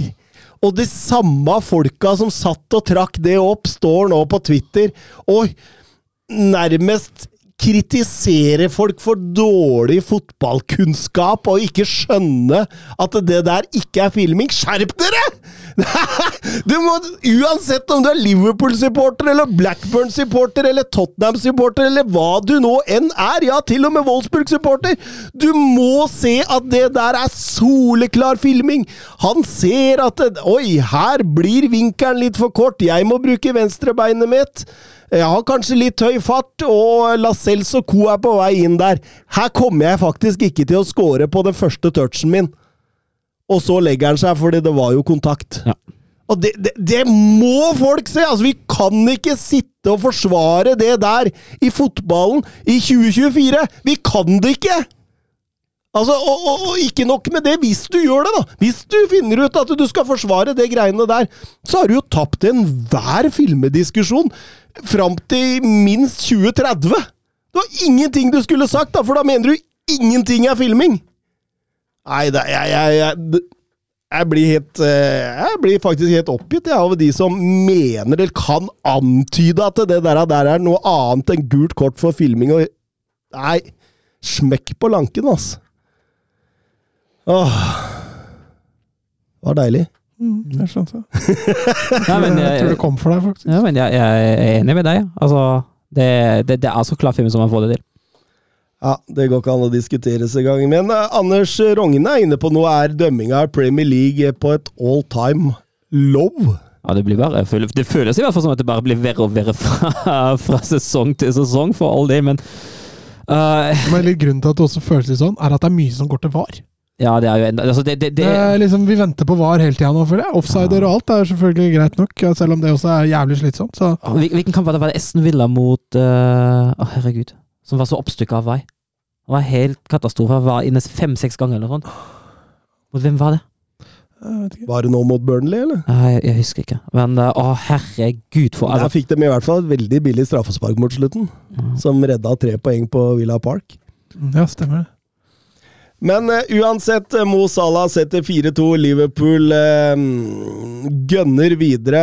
mm, Ser meget, meget bra ut. Og Daniel Ødegaard skriver XG på over 7 for Liverpool. Rekord i Premier League. Ellevilt er Liverpool oppe og hakker på toppnivå for tiden. Ja, altså i den kampen her, definitivt. Eh, som jeg, sa, jeg, jeg, jeg hadde underveis jeg så kampen, tenkt at dette her er Liverpool fra sitt aller, aller beste. Um, problemet er jo å, å prestere dette her konstant og hele tida.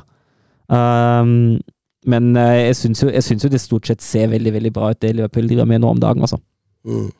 Ja, for meg så er de også Citys største eh, utfordrer, sånn som det er nå. Mm.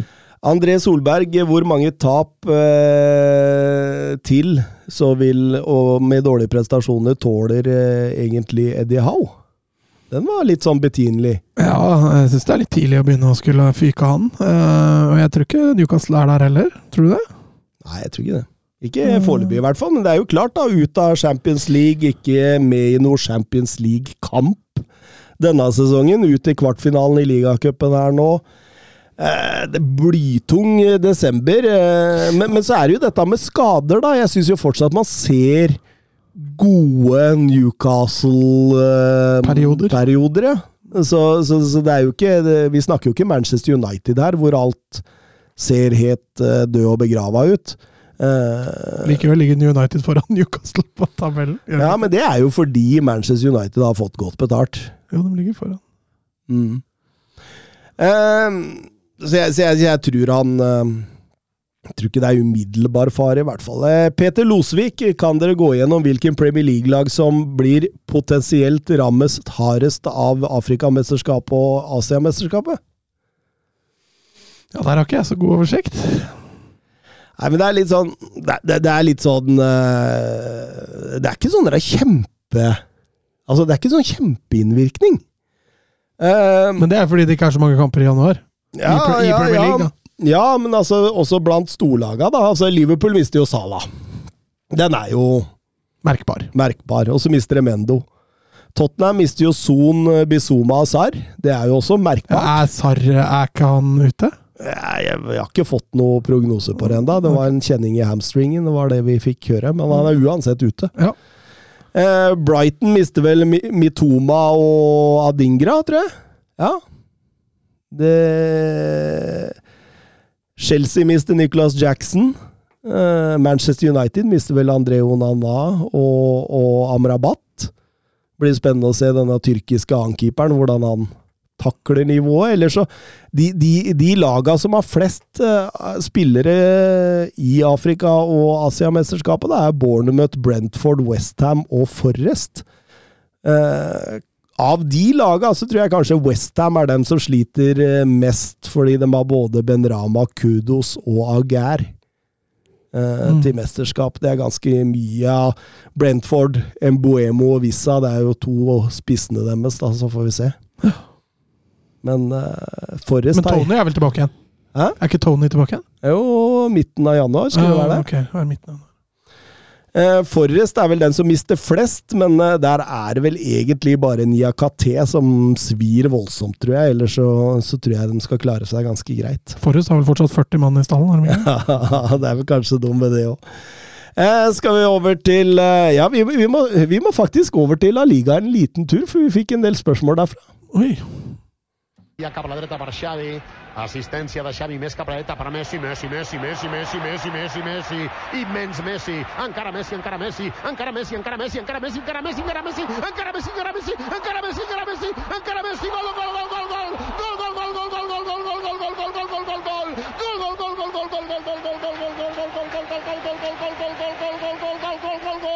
Ja, vi må en liten tur innom La Liga pga. noen spørsmål her. De hadde jo spillefri, men, eh, men det har skjedd ting. Eh, Fredrik Stjerna, Angelotti med to nye år på kontrakten. Er vi overraska? Ja, jeg, jeg ble veldig overraska. Det, det er det som for meg. Kom det, sånn, kom det sånn ut av ingenting for meg? Var det sånn opp, lest og vedtatt at, uh, at han skulle over til Brasil? Han var ferdig i Real Madrid.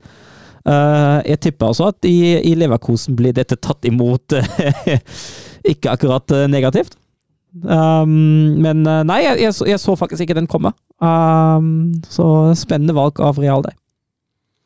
Ja, hva, hva, hva det, det, det, altså, jeg, jeg ble kjempeoverraska. Brasil-jobben det virka som det så å si var klart. Mm. ja, den dro den litt opp av hatten ut av ingenting, egentlig. Uh, jeg så heller ikke den komme. Det har liksom ikke kommet noen rykter derfra heller på at det skulle bli at det var en mulig utfall. Man satt liksom og venta på hvem som skulle være nye treneren. Så at Angelotti tar to nye år altså Jeg tror Angelotti er veldig komfortabel i jobben. Jeg tror han trives veldig godt der. Så jeg tror ikke For hans del tror jeg kanskje ikke det var så vanskelig. Så er spørsmålet hvor aktuell var denne Brasil-jobben i utgangspunktet, da? Kanskje, aldri, kanskje han aldri var så aktuell? Kanskje han måtte ta over med en gang? Og at han da tok et valg deretter. Men jeg tror to år til med Angelotti for Real Madrid Jeg tror heller ikke de taper så voldsomt på det, altså. Det, men, men, men, jeg tenkte jo på at jeg, Setter man ikke liksom på en måte det, det nye Real Madrid litt på vent? Mm. Altså, nå kommer jo Endrik, kanskje Mbappe, man skulle bruke penger i sommer, Kroos og Modric er ferdig.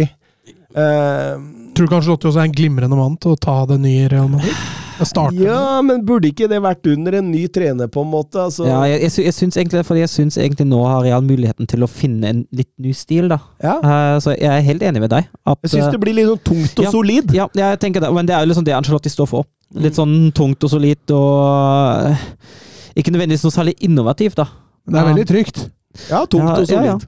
Ja, trygt. Ja, det er det det er. Men uh, så har det vært veldig spennende å prøve noe nytt for Real, da. Fordi, men altså ja da, leder, av La Liga.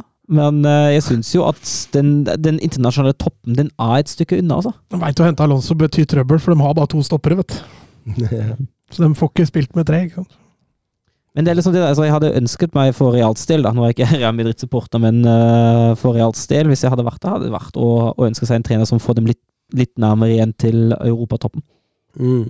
Ja, det, det, det, tenker jeg også, at man snart må begynne å se framover, og hvordan klubb skal man være. At nå, nå, blir man liksom på en måte sittende fast i et sånn fluepapir mm. med, med, all suksessen som har vært. og så så, så jeg, jeg, jeg, jeg, er veldig usikker på om dette var lurt. Jeg tror det har vært mye lurere å kjøpt fri Shabi Alonso til sommeren og, og, sagt at uh, sånn skal vi spille fotball, disse spillerne skal vi stå for nå. Nå, nå blir det mye med all darlings og, og Nei, jeg, er ikke usikker. Det, det, er ikke så ofte du ser Real Madrid ta sjansen på nye trenere. Nei. De har ofte valgt trygge valg. Funka med Zidane, da. Ja, det var jo han for så vidt ganske ny som trener, da, men det var jo, de visste jo hvem de fikk. Og du ser, ja, men, når de sleit, og henta Rafa Benitez, da ble jo, slo det feil. De henta jo Ande Ramos som midlertidig trener. Men de veit jo hvem de får i Alonso. Det veit de veldig godt. De kjenner jo Xabi Alonso. Ja, men han har, aldri, han har aldri vært trener igjen. Nei, nei, nei, nei. men, eh, men du, du, kan jo karakteren, og du ser jo hvilken fotball han står for. Så jeg, jeg tror ikke et sekund på at noen i Real Madrid seriøst tviler på hva slags type man får i Xabi Alonso. Ja, men jeg tror de har tatt det trygge valget. Ja, det, de, har, de har liksom Greit, her er det minst risiko. Vi gjør det sånn. Ja, minst, minst risiko, lavest tak. Ja. Ja, kommer an på hvem du sammenligner med. ja. Jeg, jeg, tror ikke Jeg tror ikke de vinner Champions League med Alonso. Nei, med, med, med Arncelotti. med, med Nico så god. At de ikke vinner Altså, Real Madrid har en sånn Champions League-glorie over seg, så jeg vil ikke avskrive dem på det. Og får dem inn Mbappe med Alonso som trener også, det Jeg ser ikke at det er noe umulig. sak. Ja, fordi eh, Gustav Horndal skriver her eh, Tror man på rapporten om at det er en take it or leave it deal til Kylian Mbappé i Real Madrid i januar? At han skal signere kontrakt fra 2024-sommeren. Flere medier eh, meldte at Real Madrid syrer sammen et tilbud som de har sendt til Paris Saint-Germain i dag, og at fristen for å godta den ligger til rundt midten av vinduet. Hvis det blir nei, vil Real Madrid se seg etter andre løsninger enn Kylian Mbappé. Tror vi på det? Høres veldig rart ut. Ja, det høres veldig rart ut å bare avskrive Mbappé. Samtidig så veit man jo at Florentino Perez er rimelig beinhard i forhandlinger og, og, eh, og, og vil ha vilja si mm, Prøver så godt han kan, i hvert fall, å få vilja si så ofte som mulig. og Det høres jo ikke helt ulikt ut han å sette en deadline på dette her, for å kunne gå videre. Men det er rart å sette deadline et halvt år før kontrakten hans går ut, da. Ja, men det er jo for å bli ferdig med sagaen. Eh, Men jeg er helt enig med deg. altså Om en Bappe signerer i januar, eller om han signerer i juni, så blir det jo en kjempesignering uansett. Men han vil vel gjerne få det avklart. Mm. Eh, Tommy Madridista skriver hvilke midtstopper tenker dere kunne vært bra for Real Madrid å hente, eller er det godt nok med Chouameni blir flytta ned midlertidig, eller bør man kjøpe en type Varan som gradvis skal erstatte Alaba og Rodiger på sikt? Nei, altså jeg, tenker, jeg mener jo at det er for tynt bak nå hos Real. Uh, så jeg tenker hvis det er noen penger som de kan avse for en stopper, så bør de kjøpe. Uh, første som slår meg da som en helt klar kandidat, er jo Todibo. Mm. Ja, Nå uttalte Angelotti i går da, at de ikke skulle kjøpe noe. Mm. De skulle klare seg med Angelotti, Nacho, Rudiger og I verste fall så sa han også at Carvahal kunne trekkes inn som, så som stopper, så jeg eh, Men, eh, Nei, jeg, men jeg, jeg er litt sånn skeptisk til den politikken da, fordi altså, når du trekker folk som Chouameni og Carvajal fra sine plasser, så åpner du et nytt hull, da.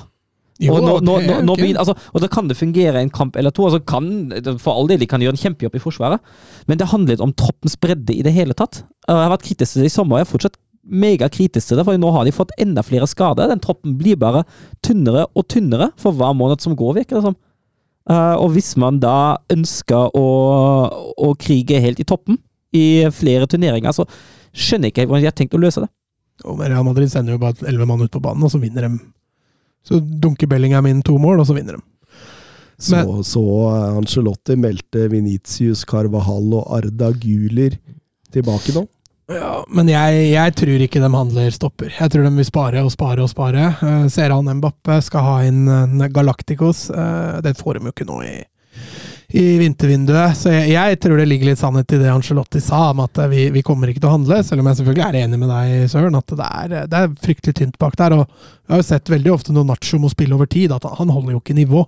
Eh, og, og Chouameni er jo best på midtbanen. Han, han er jo ikke best som stopper, så det blir jo en svakhet. Samtidig så Når man møter, uh, møter lag da, på lavere, eller på, på lengre ned på tabellen i La Liga, så vil jo Real Madrid uansett være favoritter. Men så går man til kvartfinale og, og semifinale i Champions League, og da vil man ikke være favoritter med et Nei, nei, nei. forsvar. Det, det vil de ikke være. Får vi se da hvor, eh, hvor lenge Alaba og, og Milito er jo lenge ute også. De, de må jo klare seg antageligvis resten av sesongen da, med Rydiger og Nacho Mm. Nacho. Nei, jeg ville, jeg ville nok henta en uh, Antonio Silva eller eller Todibo eller noe sånt. Jeg ville nok det. Og, så, og, og sett på de, og, og, og, som, og kjørt han som makker til Militao når han er tilbake, da. Eh, jeg tror de trenger det. Altså, Alaba kan man uansett bruke i en tropp, på bekk, sånne ting. Eh, selv om er på midtbanen når man må. og og eh, Rudiger er et helt greit stallfyll som man fortsatt kan klare seg med. Altså, jeg er litt enig med Søren der, at det, det, det, er, det mangler bredde i bakre rekker der, altså. Og det må de få på plass. Det hjelper ikke å hente Bapper og Endrikker og alt mulig sånt hvis det ikke grunnmuren er på plass. Ja, jeg er ikke uenig med dere. Jeg bare tror ikke de henter han. Nei da. Det, og det, sier, det er jo som du sier, eh, Angelotti sa jo også det, at det ble ikke en ny stopper. Nei, samtidig er det jo lurt av ham å si det òg. Med tanke på å ikke øke, øke prisnivået til potensielle kandidater. Mm. Men det var litt sånn Real Madrid drev i sommer òg. At de henta en spiller, og så Nei, nå er vi ferdige. Og så blei det ikke noe mer i kjøp. Ja, Mm. Det kan godt hende det kan godt hende det stemmer.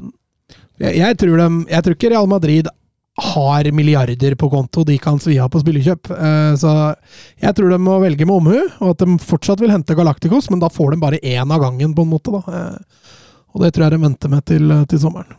Mm. Mm. Vi går over til eh, Serie A. era il marcatore di Cannavaro. Palla tagliata, messa fuori, c'è Pirlo, Pirlo, Pirlo, ancora Pirlo di tacco, tiro, Grosso,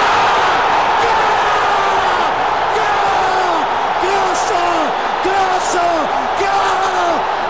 Grosso, gol di Grosso. Ja, i Serie A Jeg, jeg har vært borti eh, mer underholdning enn det ja. vi fikk i våre fire kamper derfra denne gang, men eh, Et mål i snitt.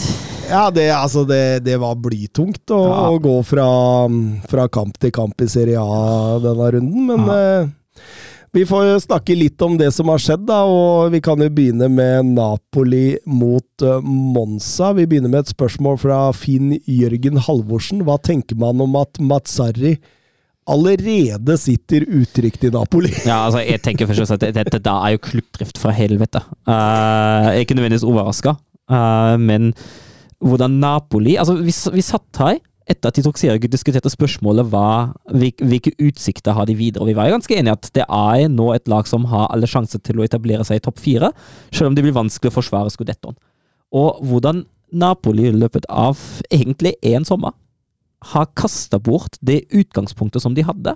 Det fantastiske utgangspunktet som de hadde, med ettertrakta stjernespillere, med en Scudetto, med et, med et lag som man kunne videreutvikle, eh, med muligheten til å ansette en ny og spennende trener. Og et av laga som var morsomst å se Ja. på i hele Europa. Mm. Og, og, og det er det som er resultatet nå.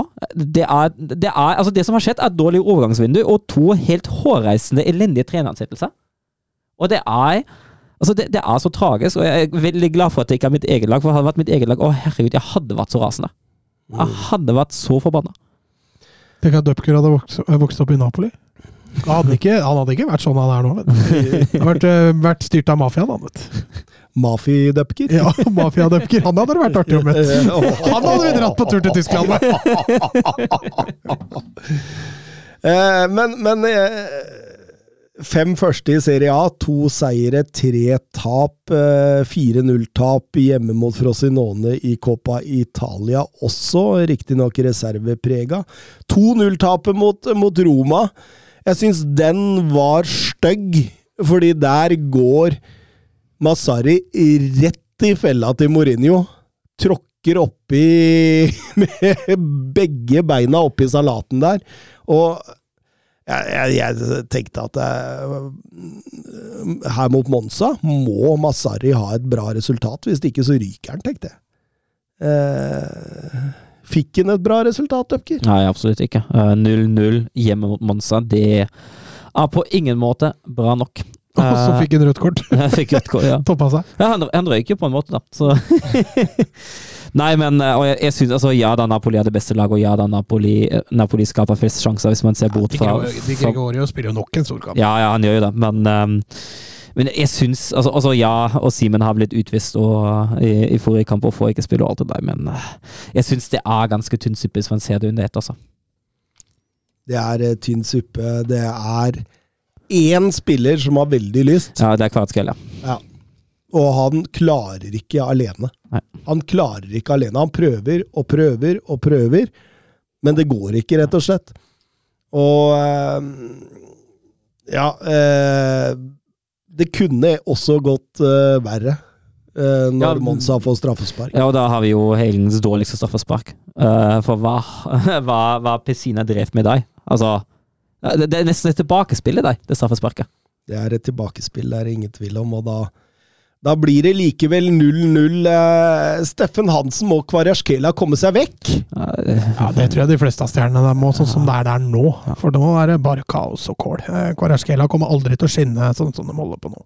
Nei, det, det, det er vi igjen på, ikke sant. Altså, de, altså, er, er jo klasse for all det, men man, altså, man er litt avhengig av et system òg. Mm. Og systematisk ser det litt dårlig ut nå. Det ser veldig dårlig ut nå. Det, det, det, de står og tråkker på ball og uh, Det er så langt unna det man ble glad i under Spalletti. Uh, Altså, Raspadori er jo egentlig en spennende spiller, men som enslig spiss Han blir liksom litt sped. Han blir for dyp. Han Nei, jeg er uh, Vi var jo dypt kritiske når Masari tok over òg, så vi kan vel på en måte si at dette sa vi. Men eh, det har nesten vært verre på banen blitt etter hvert. mm. Og i tillegg går han jo litt på akkord med seg sjøl, når han har gått vekk fra det femback-systemet sitt. han, eh, han har arva et system hvor han ikke klarer å, klarer å bidra. Ja, og åpenbart eh, frustrert nå. og Nei, det, det, det ser ikke veldig, veldig bra ut. Eh, Genoa Inter. Eh, Inter hadde fått et lite forsprang til eh, Juventus, men det ble kutta inn igjen denne helga. Ja, det ble det. Og heller ikke den kampen var noe særlig offensivt fyrverkeri. Jeg syns Inter, Inter sliter i store perioder. Uh, og når de først skårer 1-0, uh, så tar det ikke lang tid før, før det blir en 1-0 man, man er like langt, da. Nei, det er, altså, det det er et Inter i krabbegir vi Mm. ser. Altså eh, Altså, det, det, det er veldig Altså jeg sy syns det går veldig smått, da. At de er veldig klare på at eh, vi må ha de overgangene for å kunne spille vår type fotball, og når de ikke får de overgangene, så blir det veldig mye sidelengs og bakover. Eh, fortsatt veldig solid. Slipper jo ikke til veldig mye mot og, ehm, og, og alt det der, der men eh, jeg føler på en måte at Genoa gjorde det de kan kunne gjøre mot Inter. Da. Altså, de, de hindra overganger. Eh, de holdt eh, godt unna eh, mot etablert. Eh, de skapte en del selv på dødballer. Og, og, og på mange måter kjempa Inter litt ut av stilen. Da. Det, er lenge siden jeg har sett Inter så flatt. Og, og om det bare er Lautaro Martinez eh, sitt fravær eller ikke, det veit jeg ikke, men, men Men han er jo et lys i mørket, da. Så, eh, man har jo sett når Inter har slitt før, så er det jo ofte å gi ballen til han som kan være en løsning for å løse det opp. Og den hadde de jo ikke nå. Nei, så da blir det 1-1 mot Genoa, og inviterer Juventus inn igjen. Eh, Milan, eh, Sassolo eh, med, med to nordmenn fra start. Ja. Både Thorstvedt og Holmgren Pedersen fra start der. eh. Syns jo Milan Starter veldig bra. ja, de, syns de er eh, gode. de høvler jo nesten over Sassolo første 20 der, og bør jo lede både 1 og 2-0. Reinders syns jeg starter fantastisk frisk i den kampen. Altså. Mm. Har blitt litt sånn. Jeg har blitt litt varm i trøya. Ja, ja jeg syns han har hatt flere gode prestasjoner, og den, eh, den nærteknikken og de dragningene her, den er ganske fin, altså. Mm. Men Naser begynner å komme seg. Men det var jo et Sassolo her som spilte på 0-0. Ja, definitivt. Så, så, så, så de overlot jo mye til, til eh, Milan, og det, det, det, var mye bra i Milan, så men det, det, det mangler det siste lille. Uh, Celiao trøbler litt med ball. Uh, du får ikke spilt Giroud nok ganger i boks. Sånne ting som gjorde at det også blei ganske behagelig for Sassolo ehm, å, og eh, forsvare seg, men eh, de, de klarte ikke det altfor lenge. Nei, en nydelig ball av Benazer der, eh, som spiller gjennom uh, Pulisic som én alene. Én mot én med keeper, og, og setter den trygt. Mm. Ja, fin pasning der. Ja, det er sånn, sånn uh, boksåpner. Og det, det, den seieren her var viktig for Pioli, altså. Mm. Han Hadde, hadde, det var, fem, eh, var det fem kamper uten seire i Serie A før denne? Eh, Mener å huske han uh, brølapa i VGTV. Uh, nei, det er Ja ja, i Serie A Nei, de slo Monza for to runder siden. Ja, okay. Og så, har de jo tapp, så slo de jo Newcastle, da, men det er jo ikke Serie A. Det er ikke Serie A. Nei, de har vunnet faktisk ganske mye sist i Serie A. slo Frosinone hjemme òg, i starten av desember. Skal vi, skal vi nevne at det en 18-åring som debuterer, Kevin Seroli for Milan, kvarter før slutt? Kapteinen til U-laget. Mm. Ser, ser spennende ut, det. Ja, det er, det, det, er gøy at eh, Pioli lar unggutta få slippe litt til. Det, Ja, han skårte jo, han Simic, også i forrige, forrige runde, så han, eh, han tjener nok litt på det, litt kred hos supportere, når han slipper til unggutter. Mm.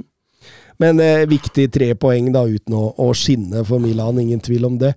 Eh, Juventus eh, Roma, Allegri mot eh, Mourinho, Dusan Vlavic mot eh, Lukaku. Noe av det større man får i Serie A. Åssen eh, Fysisk, altså bokstavelig talt.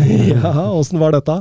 Nei, eh, Lukaku får jo, har ikke så mye å gjøre i hele matchen, egentlig. Eh, Juventus er jo sånn som de pleier. da. De gønner litt på fram til de får første målet, og så, så slår de av. Eh, Det er bare om å gjøre å forsvare, forsvare. Og, og Lukaku blir pakka godt inn. Vlavic syns jeg er bra. Eh, En av de bedre kampene jeg har sett han i år. Eh, Stor og sterk, og han blir ofte et, et exit for Juventus. da. De slår opp på han. og, og um og uh, Jorente Mancini og Ndika bak der har mer enn nok altså, med å holde han feilvendt. Juventus syns jeg er brukbare, fram til som sagt i første omgang der. Eh, De skaper, Det lille som blir skapt, det er det de som skaper, og Roma er veldig langt unna. altså. Mm. Ja, absolutt. Veldig lite Roma kom her, altså. Ja, det var stusslig. Jeg syns det ble veldig store avstander mellom Dybala og Lukaku hele veien. Dybala trakk seg veldig ofte ut høyre der. Ja, det for å få ballen på venstre, så det er jo naturlig for han. Og Lukaku blir jo jobbende altfor mye unna, langt unna mål. ikke sant? Når han må jobbe feilvendt på 50 meter, så altså, det, blir ikke, det er langt unna hans eh, forse. Og du ser det også når eh, Juventus skårer, og du skjønner Mourinho begynner tidlig å bytte inn offensivt, for han skjønner at vi kan ikke begynne her eh, fem minutter før slutt. Og du ser det også da, da. eh, De har ingen trusler inn bak. eh, De skal liksom rundt, eller så skal Dybala prøve å få rettvendt han ut bredt, eller Nei, det, det var ganske tynt det Roma kom med, også etter at eh, de fikk 0-1 i sekken. Men, nei, men det er her Juventus virkelig er gode. Altså, det går an å være glad i sånn type fotball. Ja, men altså Går sånn og skrur av etter 1-0. Man går ikke glipp av så veldig mye. Og det er litt sånn det da når Juventus skårer 1-0, så er det jo det. Det er jo den samme mølja kamp etter kamp etter kamp etter kamp. Kalenderåret 2023. Juventus seiler hele 12 1-0-seiere i Serie A. Mhm. De er også ett av tre lag som har hatt 20 eller flere clean sheets i topp fem-ligaene. Det er bare Barcelona og Inter som har Så det var ikke quiz der, altså. Ikke quiz. eh, Bernt Olav Jellegjerde Hansen, Allegri stolt over Mourinho-sammenligningen. Var det et oppgjør mellom to like i Torino denne helgen, og blei kampen som forventet? Ja, men kan du vel si ja takk til begge deler. Ja, den eh, var en ganske døll kamp sånn totalt sett, men eh, jeg kjeda meg ikke så mye som jeg frykta når jeg så, så kampen. Uh, Mourinho og Allegri de har i hvert fall samme tilnærming til kamper. da. Allegri er jo kanskje hakket mer offensivt, men det er fordi Juventus spiller på hjemmebane, tenker jeg. Eh, og så Allegri er stolt av Mourinho-sammenligninga, den kjøper jeg. For eh, det er mye, mye like, like lik tankegang der. Absolutt. eh, Inter leder dermed Serie A med 45 poeng. Juventus 43, og så er det et stort gap ned til Milan på tredje på 36. Og så har man Fiorentina har bytta plassen med Bologna og ligger på fjerdeplass der, og vi må helt ned på åttende for å finne Napoli nå. eh, Fem poeng bak Champions League, så. Ja, det begynner å, å røyne på. Ja, altså Napoli Altså Hvis de skal havne utenfor, fra gå fra seriegull til å havne utafor topp fire, det er en eh, Uten å selge hva skal vi si, alt, da. Så er det et stort fall, altså. Mm. Eh, noen spørsmål. Jørn Henland. Kan dere ta for dere én spiller hver, eh, valgfri fra en av ligaene dere følger, som ikke presterer ut fra deres forventning? Og i hvilken klubb, under hvilken trener, tror dere denne spilleren kunne ha blomstret? Vi får begynne med Søren og Bundesliga, da. Ja, jeg kan jo ta en som, eh, som jeg har tenkt ofte på. Jeg har en ganske, dår, har ganske dårlig forutsetning i Wolfsburg, og det er Lovro Meyer.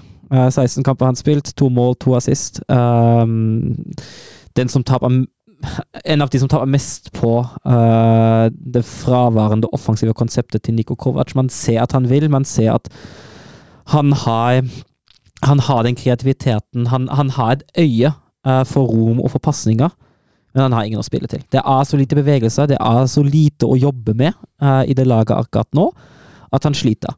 Uh, og da, da ser det dumt ut, for da ser det ut som at han drar ut tempo hele tida. Uh, for han leter etter alternativer som han ikke får. Uh, og det er fryktelig synd, for han er en fantastisk fotballspiller. Altså, jeg, altså, han er jo ikke en, eh, en James Madison eller Luka Modric, men han er litt sånn i hylla bak, syns jeg. da. Mm. Jeg syns han er en, eh, en herlig fotballspiller på sitt beste, og en som, som virkelig kan, eh, kan skape ting, regissere ting, eh, og være en pregende figur i det offensive spillet.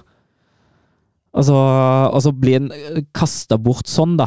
Uh, og det smerter. Og jeg, jeg mener jo at han absolutt kan få det til i Wolfsburg hvis man får en ny trener som offensivt er sterkere enn Niko Kovac, for all del.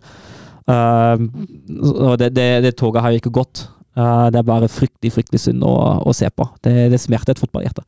Men hvis du skulle satt Lovro Meyer inn i et annet Bundesliga-lag nå og sagt at det der kommer han til å lykkes Det er Bayer Leverkosen.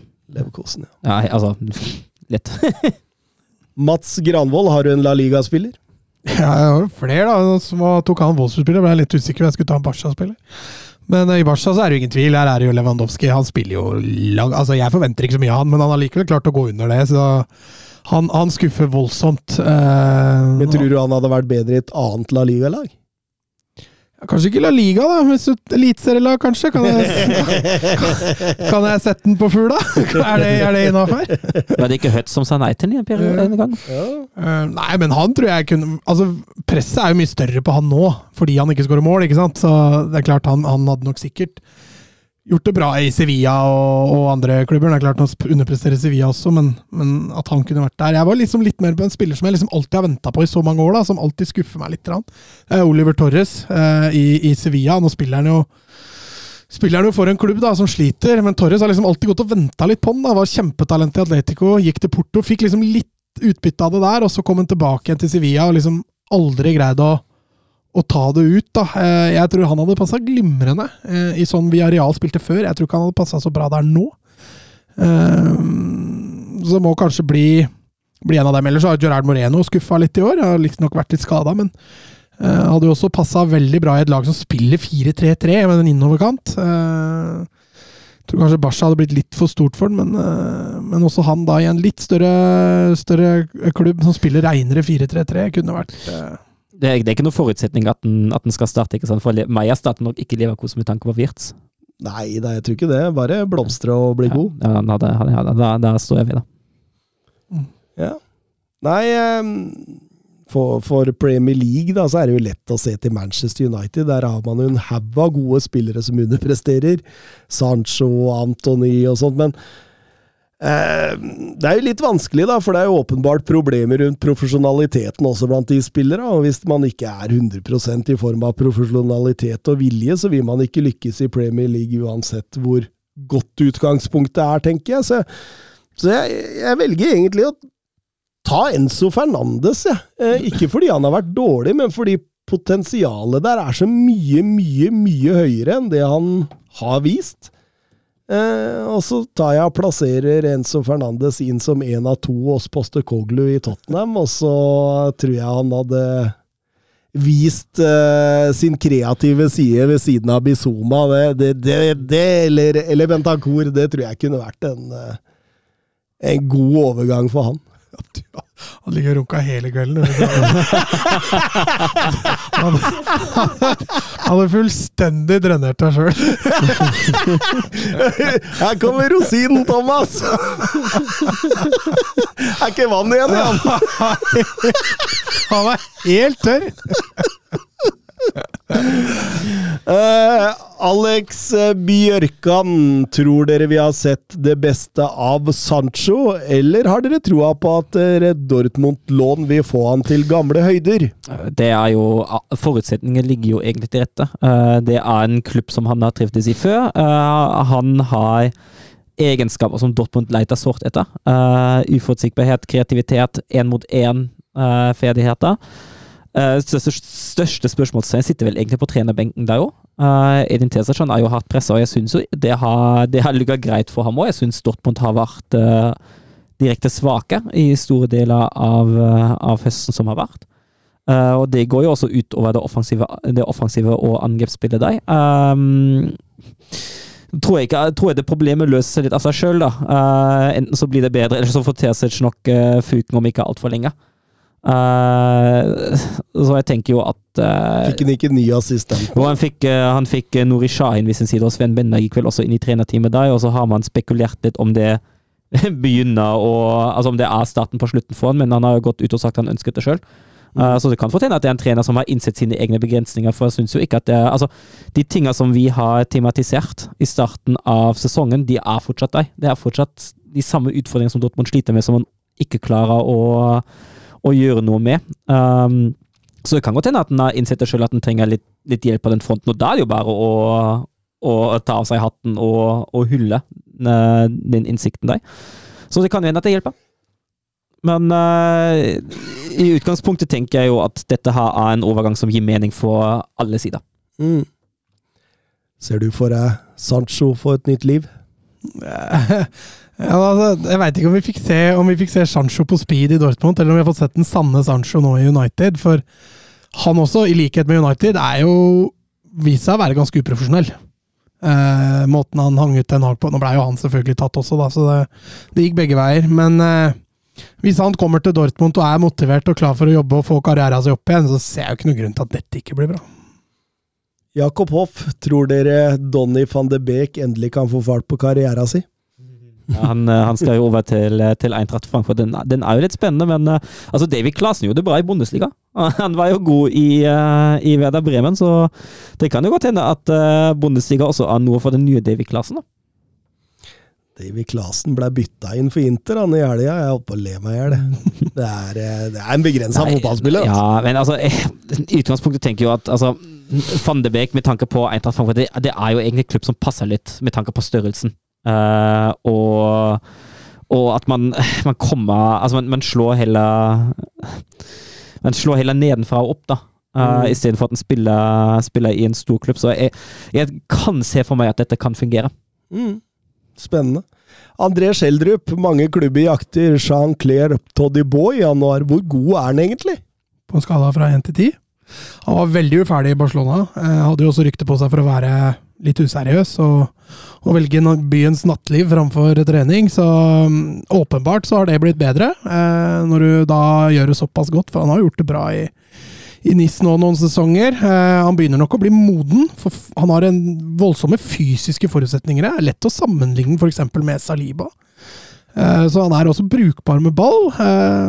Så jeg veit ikke hvorvidt han hadde gått inn og forsterka et hvilket som helst lag. Jeg tror ikke han kunne gått inn på City, f.eks. Der, der tror jeg han hadde sittet mye på benken. Eh, men f.eks. et lag som skal slå litt nedenfra oppover, da, eh, der tror jeg han kunne passa veldig fint inn. Mm. Oskar Carveio Holm gå gjerne gjennom de mest spennende og bekrefta overgangene så langt. Ja, det er jo ikke mange! Nei. Vi har Gaute, en Gaute eh, Helstrup, da. Hæ? Gaute Helstrup og Ja. Jostein Gundersen. ah, den er stygg. Eh, Men eh, Eilif Elmas gikk til RB Leipzig. Ja, Leipzig trengte en erstatter etter Emil Forsberg, eh, som har jo gått over til eh, Red Bull New York. Eh, så han holder seg i familien, for å si det sånn. Men eh, da har Leipzig tidlig pekt seg ut Elmas som erstatter deg. Eh, og jeg, tror det kan bli veldig bra. Eh, er jo en spiller som passer litt sånn i det skjemaet som, eh, Leipzig eh, leter etter, og har jo absolutt de ferdighetene som skal til for å erstatte Forsberg. Og så er han litt, sånn som for, er litt udefinert. Akkurat Ja. litt sånn som Forsberg. Ja, ja men, det- men det er jo, det er jo helt altså, han, Jeg syns han passer veldig godt inn i en av de to offensive rollene som, eh, som Leipzig har. Nå blir det vanskelig å utfordre uh, Xavi og Baumgartner, for de har gjort det ganske bra nå i det siste. Um, men med den udefinertheten syns jeg det, det gir jo den dimensjonen som Leipzig gjerne vil ha i de, uh, i de rollene der. Mm.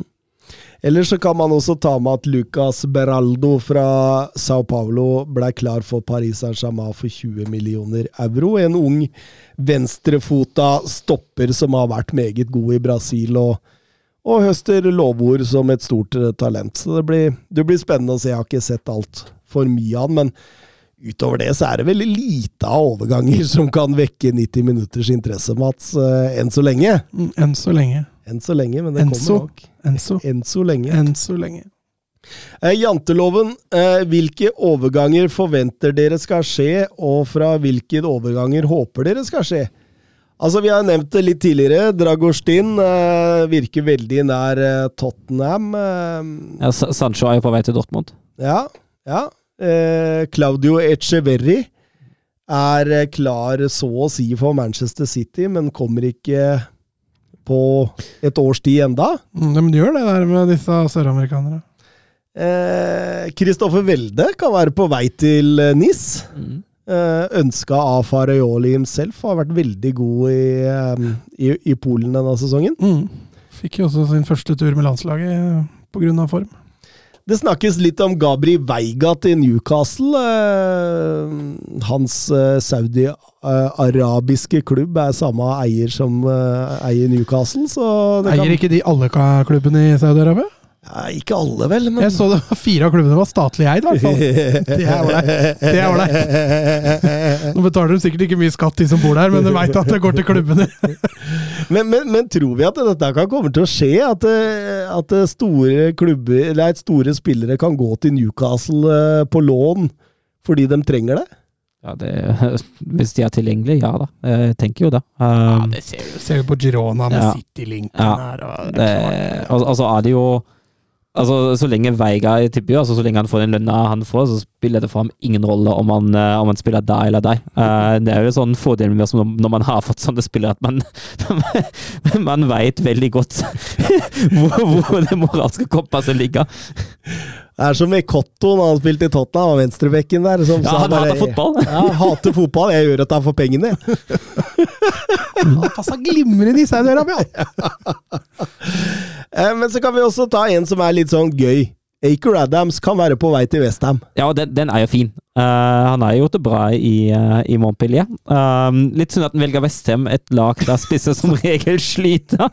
Men for LSK er jo dette her knallbra, for er, Westham er jo en klubb som fort kan betale en ganske høy sum. Og den videre salgsklausulen som LSK har på Adams, den skal jo være 15% tror jeg. Ut ifra det, det jeg har lest. Så ja, det blir, eh, det blir en del penger i så fall til Lillestrøm, og det er fint. Men det er litt tidlig ennå, så merker det at det Selv Fabrizio Romano har ikke våkna helt ennå. Så vi får vente Og han har meldt litt, da. Ja, Gallagher til Tottenham og Dragosin har han vært på. Jeg tviler Gallagher havner i Tottenham, for å være helt ærlig. Eh, Nikolai, fotballmann. En manager med høy kunnskap som omtrent dikterer alt av kjøp og salg, som Erik Den Haag. Eller en manager som holder seg på feltet og lar sportsdirektør og apparat rundt ta seg av overganger. Eh, tidligere tenkte jeg alternativ 1. Eh, Men når det gjør at Erik Ten Haag legger mer prestisje i å bruke disse spillerne, så veit jeg ikke lenger. Ja, altså det er litt sånn, det sånn keitete situasjoner der, fordi eh, managere må jo ha, en, ha et ord med i laget. Eh, og det har vi jo sett altså I Norge er kanskje litt dårlig eksempel, da, men du ser jo uh, Du ser jo trenere der som har fått eh, sparken. Du ser Solskjær som fikk van de Beek og Ronaldo, spillere han egentlig ikke ville ha. Mm. gikk jo ikke så veldig bra, det heller. Uh, så, så managere må ha et ord med i laget uansett. Men jeg tror det er best også for managere at de slipper å tenke så mye på akkurat det. At de kan bruke fokuset sitt på feltet. At de, at de sier til en sportsdirektør Ja, eller et scouting at 'jeg trenger en sånn og sånn og Ja, jeg, sånn type jeg trenger en rask Ja. høyrebeint venstrekant, da. Ja. Eh, Det er det jeg må få til. Jeg trenger en venstrebeint stopper som, som er rask. Mm. Altså, du, du kan jo, du må, men det er liksom den informasjonen jeg regner med går, da. Ja, altså, altså er det jo mulig at de har noen kandidater de har sett seg ut.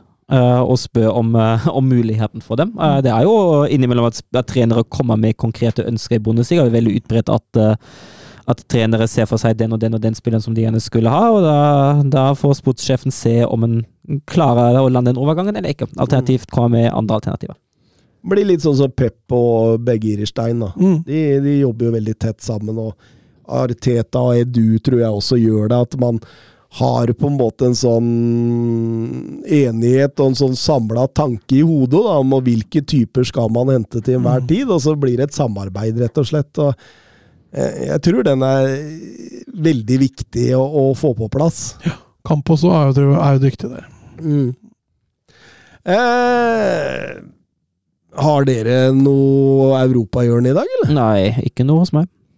Nei, jeg har en uh, bitte liten en, så vi, vi, kan, vi kan jo kjøre. Bra jobba, gutta! Bra ball! Nei! Ah, grei offside. Tor Håkon, den er grei. Tor Håkon! Nei, Tor Håkon, det var din egen skyld. Ikke bli sint for det, i hvert fall. da. Tor Håkon, ikke kjeft på dommeren. Og ikke kjeft på dommeren. Tor Håkon, nå hører du på dommeren. Det er hver gang, altså. Hver gang. der. Ja, eh, grunnen til at jeg vil ha europahjørnet her, det er at eh, det var ikke pause i, eh, i Liga Portugal. Så morsomt. Der eh, spiltes det full runde, og eh, Benfica møtte Famalicao. Eh, rolig start på kampen. Eh, Joao Neves er fantastisk, altså, i denne kampen her. Nå, nå begynner han å utvikle seg til en vanvittig spiller. Eh, og, og Benfica har god kontroll, mangler målet før eh, en halvtime cirka. Da skårer Arthur Cabral sitt første mål for klubben. Omtrent avskrevet som flopp.